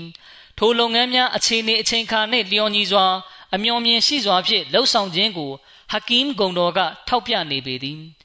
တစ်ပင်ပန်းမာများကောက်ပဲတိနံများနှင့်တရိษံများ၌အမျိုးစုံသောထူးခြားစွမ်းရည်များကိုအရှင်မြတ်ကထည့်သွင်းပေးထားပေသည်အစိတ်အစားရှိသည်တို့မှာထူးခြားတတ္တိများရှိကြသည် အရှင်မြတ်ကရေမပါဘဲလူတယောက်ကို ရေစာပြေးစေနိုင်ပေသည် သို့သောအလရှမြတ်ဖန်ဆင်းထားသည့်ဖန်ဆင်းကံများအကြောင်းကိုသိရှိနားလည်ရန်လဲလိုအပ်သောကြောင့်အကြောင်းကံများကိုအသုံးပြုစေရခြင်းဖြစ်သည်အကြောင်းမူအရှင်မြတ်ဖန်ဆင်းထားသောတဘာဝနိယာမထဲကအကြောင်းကံအရာဝတ္ထုပစ္စည်းများအကြောင်းကိုများစွာသိရှိလာလေလူသားကလည်းအရှင်မြတ်၏ဂုဏ်တော်များအကြောင်းကိုပုံမသိရှိလာလျက်အရှင်မြတ်နှင့်နီးစပ်အောင်ကြိုးစားလာနိုင်သောကြောင့်ဖြစ်သည် ထို့သောဖြင့်စေပညာနှင့်အခြားများစွာသောပညာရဲ့များကိုသိရှိလာရပေသည်ဥမာအလရှမြတ်ကိုလက်ခံယုံကြည်တဲ့တိပ္ပံပညာရှင်တဦးကတဘာဝနိယာမတဲကအရာဝတ္ထုပစ္စည်းအားလုံးကိုကြည့်မြင်လျက်အဲ့ဒီအရာတွေပေါ်မှာစင်ကျင်စဉ်းစားမယ်ဆိုရင်အလရှမြတ်အမှန်တကယ်တည်ရှိကြောင်းတတ်သေးကိုရရှိသွားပါလိမ့်မယ်ဒီလိုအားဖြင့်သူ့ရဲ့အိမ်မန်ယုံကြည်မှုကလည်းတိုးတက်လာပါလိမ့်မယ် ဒါကိုဖျားမဲတယောက်ကတိုက်ဆိုင်မှုလို့ခေါင်းမာစွာပြောခြင်းလဲပြောနိုင်ပါတယ်တို့ဖြစ်ဖန်ဆင်းကံရာဝတ္ထုပစ္စည်းမှန်သမျှတွင်ရည်ရွယ်ချက်တစ်ခုဖြင့်ဖန်ဆင်းခံထားရကြောင်းကိုလူသားကသိရှိနိုင်ရန်ဖြစ်သည်ဒီနောက်မစီမောဒလိုင်စလန်တခင်မိန့်ကြားတော်မူပါတယ်တကွာတရားဤလမ်းစဉ်ကိုရွေးချယ်လျှောက်လန်းကြကုန်အကြောင်းဆိုသောတကွာသာလင်ရှရီယတ်၏အနှစ်ချုပ်ဟုခေါ်ဆိုနိုင်သောကြောင့်သည်အကယ်၍ရှရီယတ်ကိုအနှစ်ချုပ်လိုက်လျင် ရှရီယတ်၏အနှစ်သာရမှာတကွာပင်ဖြစ်ပေသည်တကွာတရား၏အစဉ်များမှာများစွာရှိပေသည်လူသားသည်ဖြူစင်ရိုးဖြောင့်သောစိတ်ထားဖြင့်အမှန်တရားကိုရှာဖွေလိုသူဖြစ်လင်တကွာတရား၏ပထမဆုံးအဆင့်ကိုပင်တရားတရားထက်သန်ဖြူစင်စွာဖြင့်ဖြတ်တန်းမီဆိုလျင် သူ၏ရိုးဖြောင့်စွာရှာဖွေမှုကြောင့်အလွန်မြင့်သောအဆင့်ကို ရောက်ရှိသွားပေလိမ့်မည်အလရှမြတ်မိန့်ကြားတော်မူ၏ အင်နမာယတကဘလလ္လာဟူမင်အလ်မုတ္တကင်အမှန်ပင်အလာဒီမုတ္တကီဖြူစင်ဖြောက်မှတ်သူများကိုသာလျှင်လက်ခံတော်မူ၏ကျမ်းမြတ်ကုရ်အာန်9ချိုး28ဆိုလိုသည်မှာအလရှိမြတ်သည်တကွာတရားကျင့်သုံးတိဆောက်သူတို့၏ဆုတောင်းကိုလက်ခံတော်မူ၏တနည်းအားဖြင့်ဤဒီမှာအလရှိမြတ်၏ဂရီတော်ဖြစ်သည်ထိုဂရီတော်နှင့်ဆန့်ကျင်၍အရှင်မြတ်ကလှုပ်ဆောင်လိမ့်မည်မဟုတ်ချေယင်းနှင့်ဆက်လင်း၍အလရှိမြတ်ကအင်နလာဟာလာယုခလီဖုလ်မီအာဒ် အမှန်ပင်အလာဒီဂရိတော်ကို ဖောက်ဖျက်ခြင်းပြုတော်မမူချေဟုမိန့်တော်မူ၏ဆူတောင်းပြည့်ရန်တကွာတရားရရှိဖို့လိုအပ်သည်ဟုသောကန့်သက်ချက်မှာမိသည့်နီးနှင့်မြခွဲခြား၍မရသောကန့်သက်ချက်ဖြစ်ပေရာယင်းကန့်သက်ချက်ကိုဖြည့်ဆည်းခြင်းမရှိဘဲမိသူမဆိုဂယုမမူပောဆစွာနေလျက်မိမိဆူတောင်းများပြည့်လိုသည်ဆိုလျှင်ထိုသူသည်အတိတရားကဲမဲ့သူပင်မဟုတ်ပါလောထို့ကြောင့်ကျွန်ုပ်၏ဂျမတ်အဖွဲ့ဝင်များအနေဖြင့် တတ်နိုင်သမျှတကွာတရား၏လမ်းထက်တွင်ရှောက်လန်းရမည်တို့ဖြစ်ဆူတောင်းပြည့်ခြင်း၏စိတ်ချမ်းမြေပွဲစီးစိမ်အရသာကိုခံစားရရှိစေရန်ဖြစ်ပြီးအီမန်ယုံကြည်မှုတိုးတက်လာစေရန်ဖြစ်သည်ဒီနောက်အရှင်မြတ်ရဲ့ရဟမ်ဂယုနာအမျိုးအစားများကိုဖော်ပြလျက်မစီမောဒလိုင်စလန်တခင်မိန့်ကြားပါတယ်အရှင်မြတ်၏ရဟမ်ဂယုနာမှာနှမျိုးနှဆရှိကြောင်းမှတ်သားထားကြကုန်တစ်မျိုးမှာရဟမာနီယတ်ဖြစ်ပြီးနောက်တစ်မျိုးမှာရဟီမီယတ်ဖြစ်သည်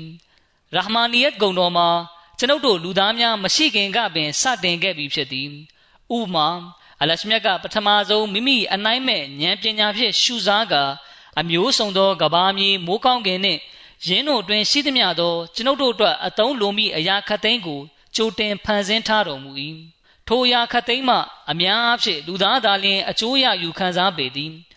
စိတ်တိုးနှင့်အခြားတရိษံများအစရှိသည်တို့သည် လူသားတို့အတွက်အကျိုးရှိသောအရာများဖြစ်ပြီးတရိษံများကဘာမျှအကျိုးရယူခံစားပါသနည်း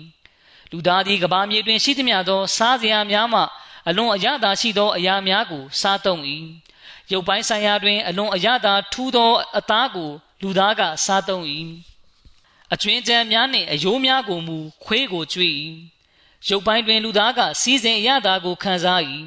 ယင်းတို့အရသာခံစားရာတွင် အခြားတရိษံများလည်းပါဝင်သည်ဆိုသည့်တိုင် လူသား၏အရသာခံစားမှုကပုံမအဆင့်မြင့်ပေသည်ထို့ပြင်နံပိုင်းအရသာခံစားရာတွင်မူတရိษံများကမခံစားနိုင်ကြပေတို့ဖြစ်ရာအလရှမေရဟမ်ဂယုနာဂုံတော်နှမျိုးရှိပြီးတမျိုးမှာလူသားမဖြစ်တည်မီကပင်အရှင်မြတ်ကလူသားအလို့ငါကြိုတင်ဖန်ဆင်းဖြစ်တည်ထားပေးသောအရာများဖြစ်သည်အရှင်မြတ်ကဓာတ်များအစရှိသည်တို့ကိုဖန်ဆင်းပေးထားပြီးယင်းကကျွန်ုပ်တို့အားအကျိုးပြုရန်တာဝန်ထမ်းဆောင်လျက်ရှိကြပေသည် ထိုအရာများမှာကျွန်ုပ်တို့လူသားများမရှိမီကျွန်ုပ်တို့ဆန္ဒမပြုမီကျွန်ုပ်တို့ဆူတောင်းခြင်းမပြုမီကပင်ဖန်ဆင်းထားနှင့်ပြီးသောဖန်ဆင်းကံအရာဝတ္ထုများဖြစ်ကြသည်အရှင်မြတ်နောက်တစ်မျိုးသောရဟမ်ဂယုနာတော်မှာရဟီမီယတ်ဖြစ်သည်ယင်းကုံတော်အားဖြင့်ကျွန်ုပ်တို့ဒဝါဆူတောင်းလင်အလရှမြတ်ကပေးသနာချီးမြှင့်တော်မူ၏တဘာဝနိယာမတရားသည်မူလအစကပင်ဆူတောင်းခြင်းနှင့်ဆက်နွယ်လျက်ရှိကြောင်းအသေးချာစူးစမ်းလေ့လာကြည့်လျင်သိရှိနိုင်ပေသည် ယနေ့ခေတ်ရှိအချို့လူများကယင်ကိုအသစ်တီထွင်ထားသော သာသနာပကိစ္စဖြင့်ထင်မှတ်နေကြသည်ကျွန်ုပ်တို့ကအလရှမြတ်ထံတော်တွင်ဆူတောင်းသောအခါယင်းနှင့်အလားတရန်တူသောတဘာဝနိယာမထဲကဆက်နွယ်မှုတစ်ခုကိုဤနေရာ၌ကျွန်ုပ်ဖော်ပြလိုပါသည်ဥပမာခလေးကစားလောင်မွတ်သိမ့်မှုကြောင့်နို့ကြိုရီကိုတောက်သုံးရန်စောက်တရားမရငိုကြွေးအော်ဟစ်သောအခါမိခင်၏သားမြတ်မှနို့ရည်တို့သည် အရှိန်အဟုန်နှင့်ပန်းထွက်လာလေသည် တကယ်ဆိုခလေးသည်ဆူတောင်းခြင်း၏အမီနာမကိုပင်သိရှိသည်မဟုတ်ချေတကယ်ဆိုလျင်ခလေးသည်ဆူတောင်းခြင်း၏အမီနာမကိုပင်သိရှိသည်မဟုတ်ချေ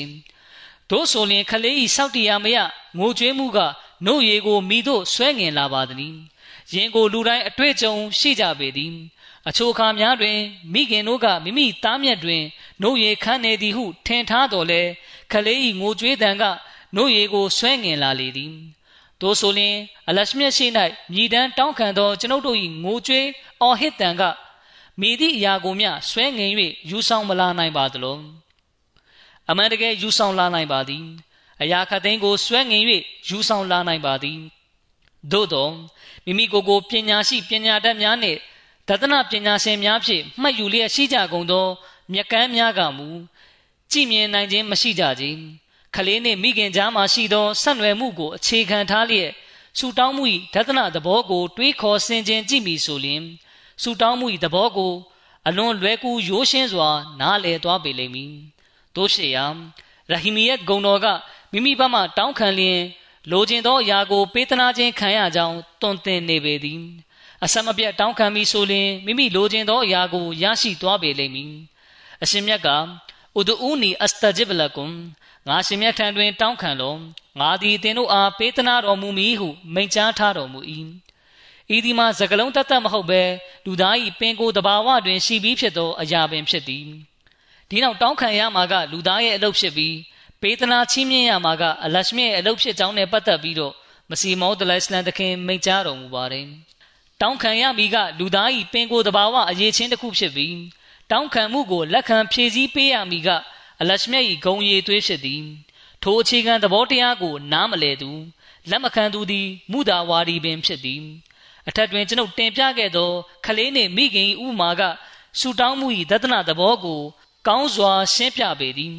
ရဟမာနီယတ်နှင့်ရဟီမီယတ်ဟူ၍နှစ်မျိုးကတစ်ခုနှင့်တစ်ခုအပြန်အလှန်ပေါင်းဆက်နေပေရာတစ်ခုကိုစွန့်ပြီးနောက်တစ်ခုကိုလိုချင်လင်ရလိမ့်မည်မဟုတ်ချေ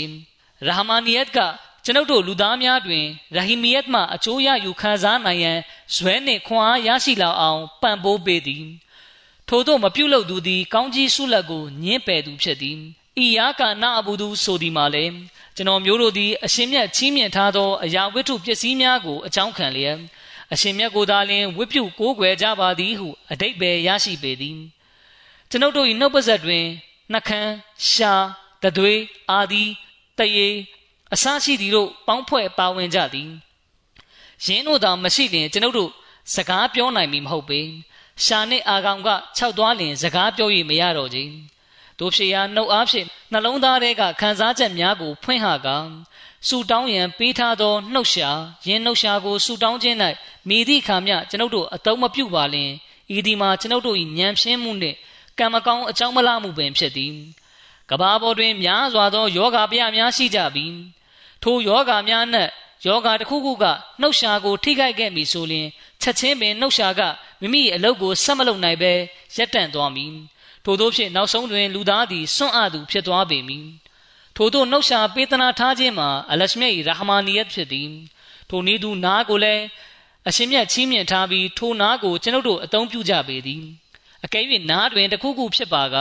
နားကြတော့မည်မဟုတ်ချေထိုနည်းသူနှလုံးသားသည်လည်းဖြစ်၏ နှလုံးသား၌နှိမ့်ချကျွန်းွန်ခြင်းစဉ်းစားတွေးခေါ်ခြင်းအစရှိသည့်စွမ်းရည်တို့ရှိ၏အကယ်၍နှလုံးမှာယောဂါရပြီဆိုလျှင်ထိုစွမ်းရည်အားလုံးကိုဆုံးရှုံးရပေတော်သည်သူယူများဆိုလျှင်သူတို့၏စွမ်းရည်မှာလုံးဝသုံးမရတော့ခြင်းထို့ကြောင့်ကျွန်ုပ်တို့အနေနဲ့အလရှမြတ်ချီးမြှင့်ထားသည့်စွမ်းရည်တတ္တိများကိုတန်ဖိုးထားအပ်ပေသည်အကယ်၍အလရှမြတ်ကမိမိအမြင့်ဆုံးသောဖဇလ်ကျေးဇူးတော်ဖြင့် ကျွန်ုပ်တို့အားချီးမြှင့်ထားသည့်စွမ်းရည်တတ္တိများကိုအချီးနီးအတုံးမဝင်ဖြစ်အောင်ဆွန့်လွတ်လိုက်မည်ဆိုရင်ကျွန်ုပ်တို့သည်အရှင့်ကျေးဇူးကိုမျက်ကွယ်ပြုသူများဖြစ်ကြောင်းတန်တရားမရှိအပ်ပေတို့ဖြစ်ရာကျွန်ုပ်တို့ကိုအရှင်မြတ်ချီးမြှင့်ထားသည့်ထိုစွမ်းရည်တတ္တိများကိုအတုံးမပြုဘဲဆွန့်လွတ်လျက်ဆူတောင်းနေမည်ဆိုလျှင်ထိုဆူတောင်းမှုကကျွန်ုပ်တို့အားမိတို့မြအကျိုးပြုနိုင်မည်မဟုတ်ချေ အကြောင်းမူကျွန်ုပ်တို့သည်ဥစွာအရှင်မြတ်ချီးမြှင့်ထားသောစွမ်းရည်များကို လုံးဝအတုံးမပြုလျင်အခြားသူများကိုမိတို့မြအကျိုးပြုနိုင်မည်မဟုတ်သောကြောင့်သည်ခလီဖာသခင်ကြီးမိန့်ကြားတော်မူပါတယ်အလရှမြတ်ချီးမြှင့်ထားတဲ့စွမ်းရည်တတ္တိတွေနဲ့အရာဝတ္ထုပစ္စည်းတွေကိုဥစွာတန်ဖိုးထားပြီးအသုံးချရမယ်ပြီးတော့အဲ့ဒီအရာဝတ္ထုတွေနဲ့စွမ်းရည်တတ္တိတွေကိုလည်းတော်တဲ့မှန်ကန်စွာအသုံးချတတ်ဖို့လည်းအရှင်မြတ်ထံမှာဆုတောင်းရပါမယ်ဒီခါမှသာလူသားဟာ စစ်မှန်တဲ့အစေတော်လူသားဖြစ်နိုင်ပါလိမ့်မယ်ပြီးတော့အရှင်မြတ်ချီးမြှင့်ထားတဲ့အရာရာတိုင်းအတွက်အရှင်ကိုကျေးဇူးတင်နိုင်ပါလိမ့်မယ်အဲ့ဒီနောက်မှာဒီလိုကျေးဇူးတင်မှုကအလရှမြရဲ့ကောင်းကြီးတော်ကိုဆွဲငင်နိုင်ပါလိမ့်မယ်ရဟမာနီယတ်ဂုံတော်ကချီးမြှင့်ထားတဲ့အရာဝတ္ထုတွေကိုရဟီမီယတ်ဂုံတော်အဖြစ်အသုံးချရပါမယ်ဒီလိုဆိုရင်ဆူတောင်းပြည့်ခြင်းရဲ့မြင်ကွင်းကိုလူသားကမြင်တွေ့ရပါတယ်ဒီနောက်ဒီအကြောင်းကိုထပ်တိုးရှင်းပြလျက်မစီမောဒလိုင်စလန်သခင်မိန့်ကြားပါတယ် တို့ဖြစ်ရာဤယာကနာအဘူဒူဆိုသည့်စကားကအိုးစကြဝဠာလောကခတ်သိမ်းကိုဖန်ဆင်းမွေးမြူတော်မူသောအရှင်ကျွန်တော်မျိုးတို့သည်အရှင်မြတ်ချီးမြှင့်ထားသည့်အရာဝတ္ထုများကိုအချီးနီးအလဟတမဖြစ်စေခဲ့ပါဟုညွှန်ပြလျက်ရှိသည်ထို့နောက်အဟဒီနစရာတလ်မုစတကီမ်ဆိုသည့်ဆူတောင်းစကားတွင်လူသားအနေနဲ့အလရှမြတ်ထံမှစစ်မှန်သောထိုးထွင်းဉာဏ်ကိုတောင်းခံရမည်အကြောင်းမူအရှင်မြတ်ဖဇလ်ကျေးဇူးတော်နှင့် ဂယုဏပြုမှုကသာလူသားကို အထောက်ပံ့မပေးခဲ့လျင်အမိုက်တိုက်ထဲတွင် ချုပ်နှောင်မိနေသော လူသားကစူတောင်းမှုကိုပင်ပြုနိုင်လိမ့်မည်မဟုတ်ချေဟု၍ရည်ညွှန်းပြဆိုလျက်ရှိပေသည်တို့ဖြစ်ရာလူသားအနေနှင့်ရဟမာနီယတ်ဂုဏ်တော်အားဖြင့်ရောက်ရှိလာသော ကောင်းကြီးဆုလက်တော်များကိုအသုံးချလျက်ဆူတောင်းခြင်းမပြုလျင် ကောင်းမွန်သောရလဒ်တစုံတရာထွက်ပေါ်လာနိုင်မည်မဟုတ်ချေအင်္ဂလိပ်အုပ်ချုပ်သောဥပဒေတွင် လယ်သမားတို့ကအစိုးရထံကအကျွေးချေးမည်ဆိုလျင်မိမိပိုင်ဆိုင်သောပစ္စည်းများကိုပြရကြောင်းလွန်ခဲ့သောနှစ်အနည်းငယ်ကသိရှိခဲ့ရသည်ထိုနည်းတူတဘာဝနိယာမသည်လည်းဖြစ်၏တဘာဝနိယာမဘတ်သို့ကြည့်ကြကုန်ကျွန်ုပ်တို့မူလကတည်းကရရှိထားသောအရာဝတ္ထုများဖြင့်ဘာများပြုလုပ်စွမ်းဆောင်ခဲ့ပြီနည်းဆိုသည်ကိုစဉ်းစားရမည်အကယ်၍အတိတတိတရားမျက်စိနာအစရှိသည်တို့အကောင်းပဂရိတိုင်းရှိပြီး ယူသွချင်းဘတ်သို့ရောက်ရှိမသွားခဲ့လျင်အရှင်ထံမှဆူတောင်းကြကုန်တို့ဆိုလျင်နောက်ထပ်များစွာသောအရှင်မြတ်၏ကောင်းကြီးဆုလက်တော်များကိုရရှိပေလိမ့်မည်အကယ်၍အရှင်မြတ်ချီးမြှင့်ထားသည့်အရာဝတ္ထုများနှင့်စွမ်းရည်တတ္တိများကိုတော်တဲ့မှန်ကန်စွာအသုံးမချလျင်ဆုံးရှုံးနစ်နာခြင်းနှင့်ကံမကောင်းအကြောင်းမလာခြင်းသာရှိပေလိမ့်မည်ဒီနောက်မစီမောဒလိုင်စလန်တခင်မိန့်ကြားပါတယ်တဘာဝနိယာမတွင်ဆူတောင်းပြည့်ခြင်းနှင့်ဆိုင်သော နမူနာဖြစ်ရများကို တွေ့ရှိရပေသည်ခေတ်ကာလတိုင်းတွင် အလရှမြတ်ကရှင်သန်လှုပ်ရှားလျက်ရှိသောနမူနာများကိုပြသလျက်ရှိပေသည်ထိုကြောင့်ပင်အလရှမြတ်က اهدنا الصراط المستقيم صراط الذين انعمت عليهم ဆိုသည့်ဆုတောင်းကိုသင်ပေးထားရခြင်းဖြစ်သည်ဤဒီမှာအလရှမြတ်၏ယဉ်ညွန်းချက်နှင့်ဥပဒေသဖြစ်သည်ထိုဥပဒေသကို ပြောင်းလဲနိုင်မိသူမိသူတဦးတယောက်မျှမရှိကြ။ اهدنا الصراط المستقيم ဆိုသည့်ဆုတောင်း၌ အိုကျွန်တော်မျိုးတို့၏အရှင်ကျွန်တော်မျိုးတို့၏လက်တွေ့ကျင့်သုံးတည်ဆောက်မှုကိုပြီးပြည့်စုံစေတော်မူပါဆိုသောအချက်ကို တွေ့ရှိရသည်ဤစကားစု၌အပြင်ပန်းအဖြစ်ဖြောင့်မတ်မှန်ကန်သောလမ်းကိုညွှန်ပြပါဟုဆုတောင်းမှုပြုရန်လမ်းညွှန်မိန့်ကြားထားခြင်းဖြစ်သည်သို့သောထိုစကား၏အထက်တွင်ဤယာကနာအဘူဒူဝဤယာကနစတအင်ဆိုသည့်စကားစုမှအကျိုးကျေးဇူးခံစားရန်သင်ပြနေပေသည်ဆိုလိုသည်မှာ စရာတလ်မုစတကင်ဖြောင့်မတ်မှန်ကန်သောလမ်းသို့တက်လန်းရောက်ရှိနိုင်ရန်အရှင်မြတ်ချီးမြှင့်ထားသည့်စွမ်းရည်တတ္တိများကိုအသုံးချပြီးအရှင်ထံမှအကူအညီကိုတောင်းခံရမည်ဟုတွင်တင်လျက်ရှိပေသည်ထို့ကြောင့်အရှင်မြတ်ချီးမြှင့်ထားသည့်အရာဝတ္ထုပစ္စည်းများကိုအသုံးပြုရန်လိုအပ်ပေသည်အရှင်မြတ်ချီးမြှင့်ထားသည့်ထိုအရာဝတ္ထုပစ္စည်းများကိုအသုံးမပြုဘဲဆွန့်လွတ်သူသည်အရှင်မြတ်၏ကောင်းကြီးဆုလက်များကိုမျက်ွယ်ပြုညင်းပယ်သူပင်ဖြစ်သည်အလရှမြတ်ကကျွန်ုပ်တို့၏နှလုံးသားထဲတွင်ရှိသော အတွေးမြင်များကို ထုတ်ဖော်တင်ပြနိုင်ရန်နှုတ်ပဆက်ကိုချီးမြှင့်ထားပါသည်ထိုနည်းသူနှလုံးသားကိုလည်းကျိုးနွန်နှိမ့်ချမှုစွမ်းရည်များချီးမြှင့်ထားပါသည်ရင်စွမ်းရည်တတ္တိများကိုစွန့်လွတ်လိုက်လင်ကျွန်ုပ်တို့အတွက်မိတို့မြအကျိုးကျေးဇူးကိုခံစားရလိမ့်မည်မဟုတ်ချေ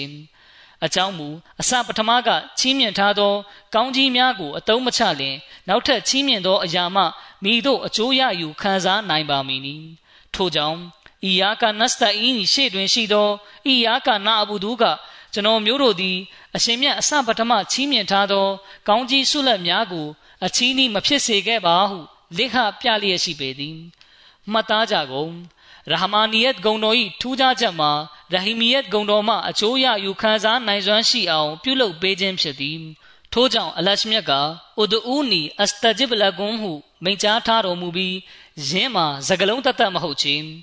တောင်းခံရမည်ကလူသား၏အလုတ်တောင်ဝင်ဖြစ်ပြီးချီးမြှင့်ရမည်ကအရှင်မြတ်၏ပြဋ္ဌာန်းချက်ဖြစ်ပေသည်တို့ဖြစ်ရာချင်းသူသည်အလရှမြတ်ထံမှတောင်းခံမှုပြုရန်အားထုတ်မနေပါလျင် ထိုသူသည်မတရားမှုကျူးလွန်သူဖြစ်ပေသည်ဆူတောင်းခြင်းဆိုသည်မှာစိတ်ကိုကျေနပ်မှုပေးသောခံစားချက်ဖြစ်ပေရာထိုချမ်းမြေ့ကျေနပ်ဖွယ်ကောင်းသည့်ခံစားချက်ကိုလူသားတို့အားမိသည့်စကားလုံးဖြင့်ကျွန်ုပ်ရှင်းပြရပါမည်နီအချုပ်ဆိုရတော့ဆူတောင်းပြေးဖို့အတွက်ဖြည့်စည်းလိုက်နာရမည့်ကန့်သက်ချက်မှာ အာမာလေးဆွာလေဟာနှင့်ခိုင်မာသောယုံကြည်ချက်ကိုပေါက်ဖွားအောင်ပြုလုပ်ရန်ပင်ဖြစ်သည်အကြောင်းမူအချင်းသူသည်မိမိယုံကြည်မှုကိုတိုးတက်ခိုင်မာအောင်မပြုဘဲအာမာလေးဆွာလေဟာဖြင့်လှုပ်ဆောင်ခြင်းမရှိဘဲစူတောင်းမှုသာလျှင်ပြုနေပါလျှင်ထိုသူသည်အလရှမြတ်ကိုစမ်းသပ်နေခြင်းပင်ဖြစ်သည်တို့ဖြစ်ရာအေဒနစရာတလ်မုစတကင်ဆိုသည့်စူတောင်းတွင်ပါရှိသောထူးခြားချက်မှာကျွန်တော်မျိုးတို့၏ကျင့်သုံးတည်ဆောက်မှုများကို ပြည့်စုံအောင်ပြုလုပ်ပေးတော်မူပါဟု၏ ထို့နောက်စရာတလဇီနာအန်အမ်တာအလိုင်ဟင်ဆိုသည့်ဆူတောင်းကပုံမူ၍ရှင်းလင်းအောင်ဖွင့်ချလိုက်သည်မှာကျွန်တော်မျိုးတို့တောင်းခံနေသည့်လမ်းမှာဆုလက်ပေးခြင်းခံရသောလူအုပ်စုတို့၏လမ်းဖြစ်ပါ၏မိမိတို့၏မကောင်းသောလုပ်ရများကြောင့်အရှင်မြတ်ထံမှပြစ်ဒဏ်ကြားရောက်ခြင်းခံခဲ့ရသည့်အမျက်တော်ရှာခြင်းခံရသူတို့၏လမ်းမှကဲတင်တော်မူပါဟု၏ထို့နောက်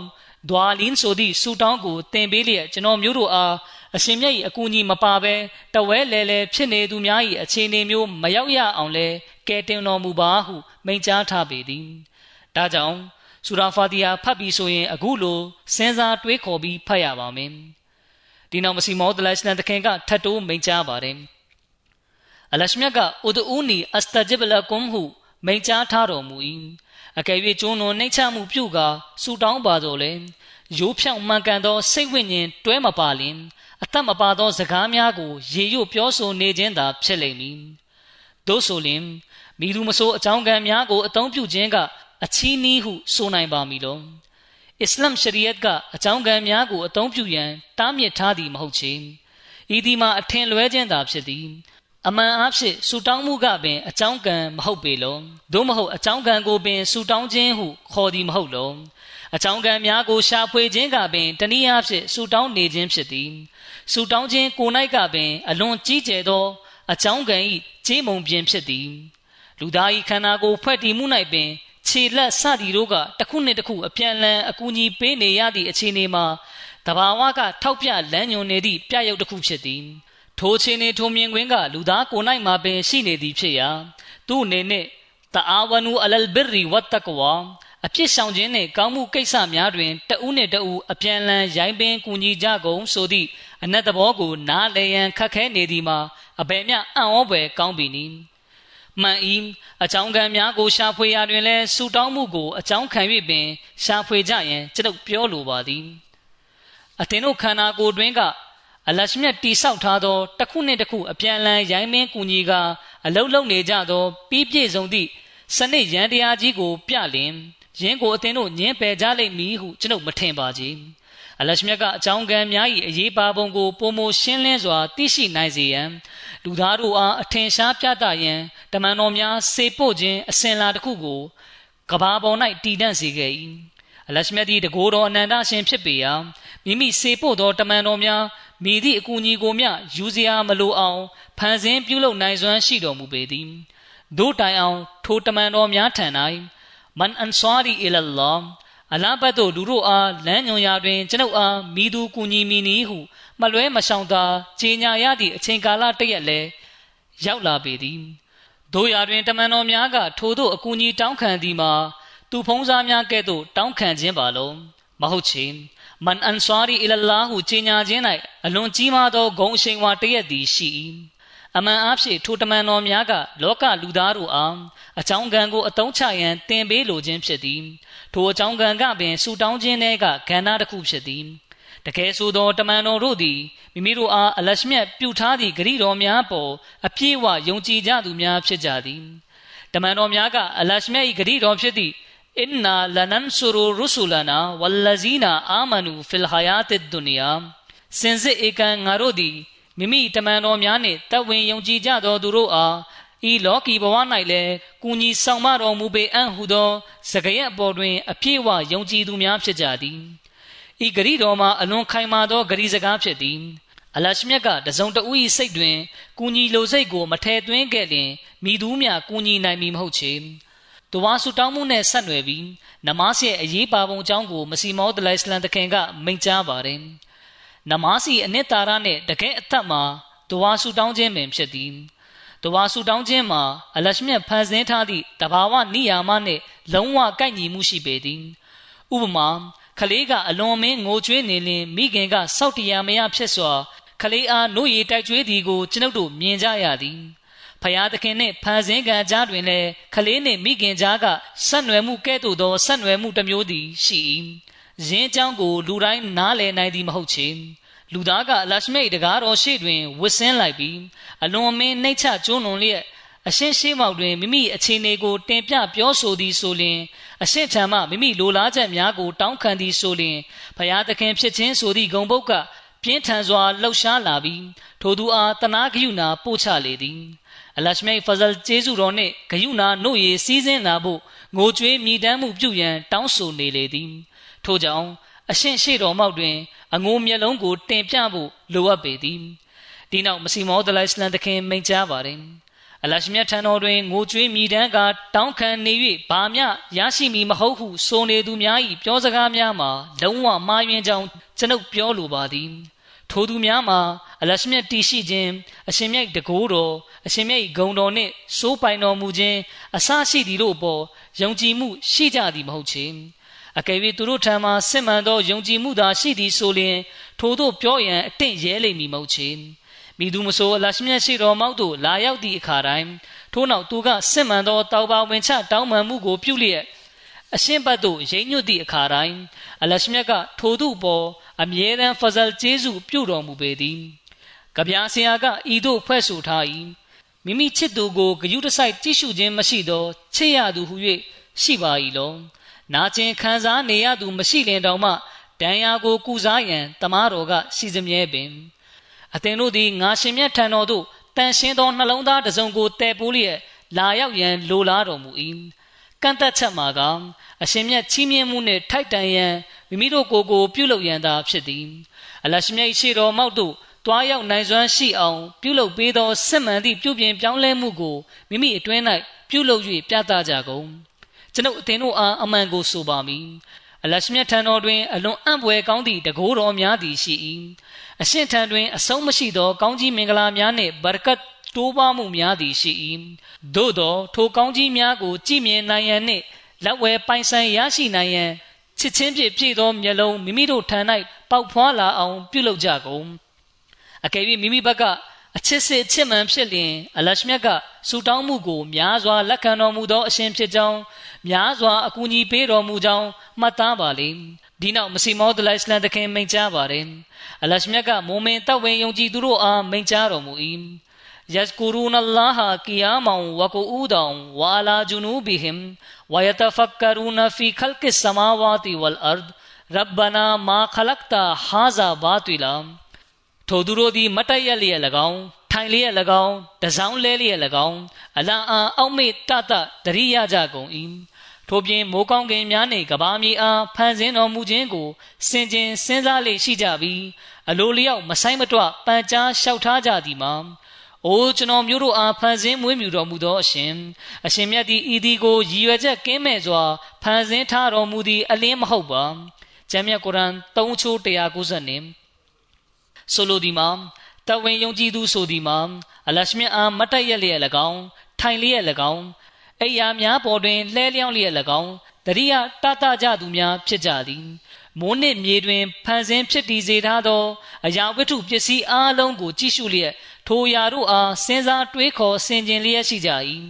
ထိုနောက်တွင်အရှင်မြတ်ဖန်ဆင်းထားသောထိုတစားပလာများ၏တဘောမှန်ကသူတို့ထံတွင်ပွင့်လင်းထင်ရှားလာသောအခါ သူတို့ကအိုးဖျားသခင်အရှင်မြတ်သည်ထိုရာတို့အားအချီးနှီးအကျိုးမဲ့ဖန်ဆင်းထားသည်မဟုတ်ချေဟုဆိုကြလေသည်ဆိုလိုသည်မှာထူးခြားသောမုံမင်တပ်ဝင်ယုံကြည်သူများကဖန်ဆင်းကံအရာဝတ္ထုများကိုသူတေသနာပြုကာသိရှိနားလည်ကြသော လောကီကိုးကွယ်နေသူပညာရှင်ဆိုသူများကဲ့သို့ကဘာကြီးအသွင်တရံကတော့ဤသို့ဖြစ်သည်ယင်းဤအတိုင်းတာမှာထိုများဖြစ်သည် ယင်းဤဆွဲငင်အားအခြေအနေမှာထိုသို့ဖြစ်သည် နေလကျဲကြိုနတ်ခတ်များနှင့်ကဘာကြိုစသည်တို့အကြားတွင် ထိုထိုသောဆက်နွယ်မှုများရှိသည်ဟုသော အခြေအနေလောက်တွင်သာရက်တန့်သွားကြသူများမဟုတ်ချေအမှန်အားဖြင့်တဝင်ယုံကြည်သူတို့သည်ဖန်ဆင်းကံဝိထုပစ္စည်းတို့၏ကြီးကျယ်ခမ်းနားမှုကိုသိရှိနားလည်ပြီးနောက်တွင်ယင်းတို့၏အတွင်း၌ရှိသောဂုံရည်တတ္တိများကိုစစ်စစ်မှန်မှန်သိရှိထင်ရှားပြီးသည့်နောက်ွယ်၌ ဖန်ဆင်းရှင်ဘတ်သို့ရိမ့်ညွတ်ကြလေသည်ထိုသည့်နောက်သူတို့သည်မိမိတို့၏အီမန်ယုံကြည်မှုအခြေအနေကို ခိုင်မာလာအောင်ပြုကြလေသည်အခုကျွန်တော်တင်ပြခဲ့တဲ့အကြောင်းအရာတချို့ကကျွန်တော်တို့ကိုမစီမောဒလိုက်စလန်တခင်ပေးအပ်ခဲ့တဲ့ကျေပြောလာတဲ့ယရနာတွေတဲကတင်ပြခဲ့ခြင်းဖြစ်ပါတယ်။တခင်ကြီးရဲ့ဒီတင်ပြချက်တွေအားဖြင့်တဝါဆူတောင်းရဲ့အရေးပါပုံအမျော်မြင်သဘောဆူတောင်းခြင်းနီးလန်းနဲ့အတွေးမြင်သဒ္ဒနာစတာတွေကိုသိရှိခဲ့ရပါပြီ။ အကယ်၍ကျွန်တော်တို့ဟာဒီအကြောင်းအရာတွေကိုအသေးချာသိရှိနားလည်မယ်ဆိုရင်ကျွန်တော်တို့ရဲ့ဘဝမှာတော်လန်ပြောင်းလဲမှုတရက်ကိုပေါက်ဖွာလာအောင် ပြုလုပ်နိုင်ပါတယ်။အလရှမြတ်နဲ့ဆက်သွယ်မှုတိဆောက်ရမှာလဲအလွန်ထူးခြားတဲ့ခံစားမှုအခြေအနေတရက်ကိုပေါက်ဖွာလာအောင်ပြုလုပ်နိုင်ပါတယ်အလရှမြတ်ဖဇလ်ကျေးဇူးတော်တွေကိုဆွဲငင်ရယူသူတွေဖြစ်နိုင်ပါတယ်ဒါကြောင့် ကျွန်တော်တို့အနေနဲ့ဒီလာမြတ်ရမ်ဇန်မှာအလရှမြတ်နဲ့နီးစပ်ဖို့အရှင်ပြဋ္ဌာန်းထားတဲ့အမိန့်တော်တွေနဲ့အညီဘဝလျှောက်လန်းသူတွေဖြစ်အောင်ကြိုးစားအားထုတ်ကြရပါမယ်မိမိတို့ရဲ့အီမန်ယုံကြည်မှုကိုတိုးတက်ခိုင်မာအောင်ပြုလုပ်သူတွေဖြစ်ကြရပါမယ်တဝါဆူတောင်းမှုရဲ့အမျှော်မြင်တဲ့ဒသနာအတွေးမြင်သဘောကိုသိရှိနားလည်သူတွေဖြစ်ကြရပါမယ်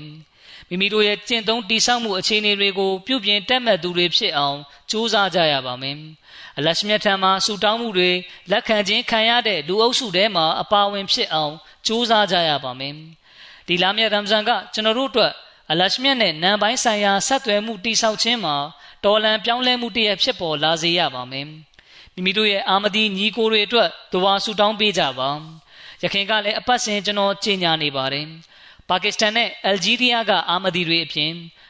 ကမ္ဘာဘယ်အရက်ဒေသဘယ်နိုင်ငံမှာရှိတဲ့အာမဒီမဆို အခက်ခဲဒုက္ခတွေကြာရောက်နေတဲ့သူအားလုံးအတွက်အထူးသဖြင့်ဂျမာတ်နဲ့ဆက်နွယ်ပြီးအခက်ခဲဖြစ်နေကြတဲ့အာမဒီအားလုံးအတွက်ဒဝါဆူတောင်းပေးကြဖို့ပန်ကြားလိုပါတယ်ပါကစ္စတန်နိုင်ငံမှာတော့နေစဉ်အာမဒီယတ်ကိုစန့်ကျင်တဲ့ဖြစ်ရတခုမဟုတ်တခုကတော့ဖြစ်လျက်ရှိပါတယ်ပုံစံတစ်မျိုးမဟုတ်တစ်မျိုးနဲ့အာမဒီတွေကိုဒုက္ခရအောင်နေစဉ်လုပ်နေကြပါတယ်ဒါကြောင့်ပါကစ္စတန်ကအာမဒီတွေအတွက်အထူးပြုပြီးတဝါဆူတောင်းပေးကြပါဒီတိုင်းပဲအယ်ဂျီးရီးယားမှာလည်း အာမဒီတွေကိုမတရားအမှုတွေထပ်ဖွင့်ဖို့ရည်ရွယ်နေကြပါတယ်အယ်ဂျီးရီးယားကအာမဒီတွေကိုလည်းအလရှမြတ်ကာကွယ်စောင့်ရှောက်တော်မူပါစေအခြားသူတွေအတွက်ဒဝါဆူတောင်းပေးခြင်းဖြင့်မိမိရဲ့ဆူတောင်းတွေကိုလည်းပြည့်ဝစေပါတယ်ဒီနီလန်းကိုအမြဲတမ်းမှတ်သားထားရပါမယ်ပြောရရင်အခြားသူတွေအတွက်ဒဝါဆူတောင်းပေးသူတွေကိုကောင်းကင်တမန်တွေကတော့ဒဝါဆူတောင်းပေးကြပါတယ်ကောင်းကင်တမန်တွေကတော့မိမိအတွက်ဒဝါဆူတောင်းပေးနေပြီဆိုရင် ဒါဟာဘလောက်တောင်အကျိုးမြတ်များပြားစွာရရှိတဲ့ရောင်းဝယ်ဖောက်ကားမှုပါလဲဒါကြောင့်ကျွန်တော်တို့အနေနဲ့မိမိအတွက်ကြီးတာမဟုတ်ပဲအခြားသူတွေအတွက်လည်းများစွာဒွါဆူတောင်းပေးဖို့လိုအပ်ပါတယ်ဒီလိုအခြားသူတွေအတွက်လည်းဒွါဆူတောင်းပေးနိုင်ဖို့အထူးသဖြင့်ဒီလမြတ်မှာအလရှမြတ်ကျွန်တော်တို့အားလုံးကိုစွမ်းအားပေးသနာတော်မူပါစေအာမင်အလ်ဟမ်ဒူလ illah الحمد لله نحمده ونستعينه ونستغفره ونؤمن به ونتوكل عليه ونعوذ بالله من شرور أنفسنا ومن سيئات أعمالنا من يهده الله فلا مضل له ومن يضلله فلا هادي له. ونشهد أن لا إله إلا الله. ونشهد أن محمدا عبده ورسوله. عباد الله رحمكم الله. إن الله يأمر بالعدل واللسان. وإيتاء ذي القربى وينهى عن الفحشاء والمنكر والبغي يعظكم لعلكم تذكرون. اذكروا الله يذكركم وذوه يستجب لكم ولذكر الله أكبر.